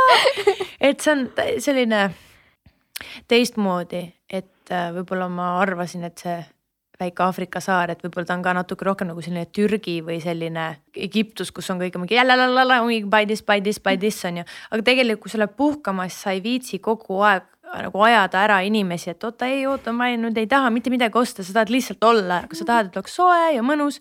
et Zanzibaril on see minu arust küll nagu olemas, et inimesed on hakuna matata ja võta mm -hmm. rahulikult. et need masaid muidugi käivad ja tahavad sulle eh, müüa oma neid käekette ja käevõrusi. Äh, ja vaata, et sa, vist ma sai poissi seal ma lähen lahe surfama, ma olen vee, vee, vee, vee peal mul ah,. väga hea. Nad jõuavad sinna ka, nad käivad rannas peamiselt. ja, ja nad käivad rannas ja, aga ta on selline hästi mõnus ja hea koht, mida ma tõesti soovitaks võib-olla. joppas mul praegu. no ja, kuidas veel kuulge, tüdrukud, mega äge episood oli, aitäh teile aitäh, Liis, et sa lõpuks jõudsid meie juurde. jaa, kas me rääkisime mingi neli tundi või päris nii hull ei ole okay., aga peaaegu kaks tuli pea, veits alla kahe mulle tundub jah. okei, vau, teil on see inimkell. vaatame, kui, kui kui täppi te panite. aa, okei, ja, ja, me ikka peame enam-vähem jälgima, et me nagu tänase päeva jooksul lasime sul siit minna. ja, ja, ja, ja, ja. väga tore oli minul vähemalt küll, mul on selline tunne, ma rääkisin nii palju nüüd.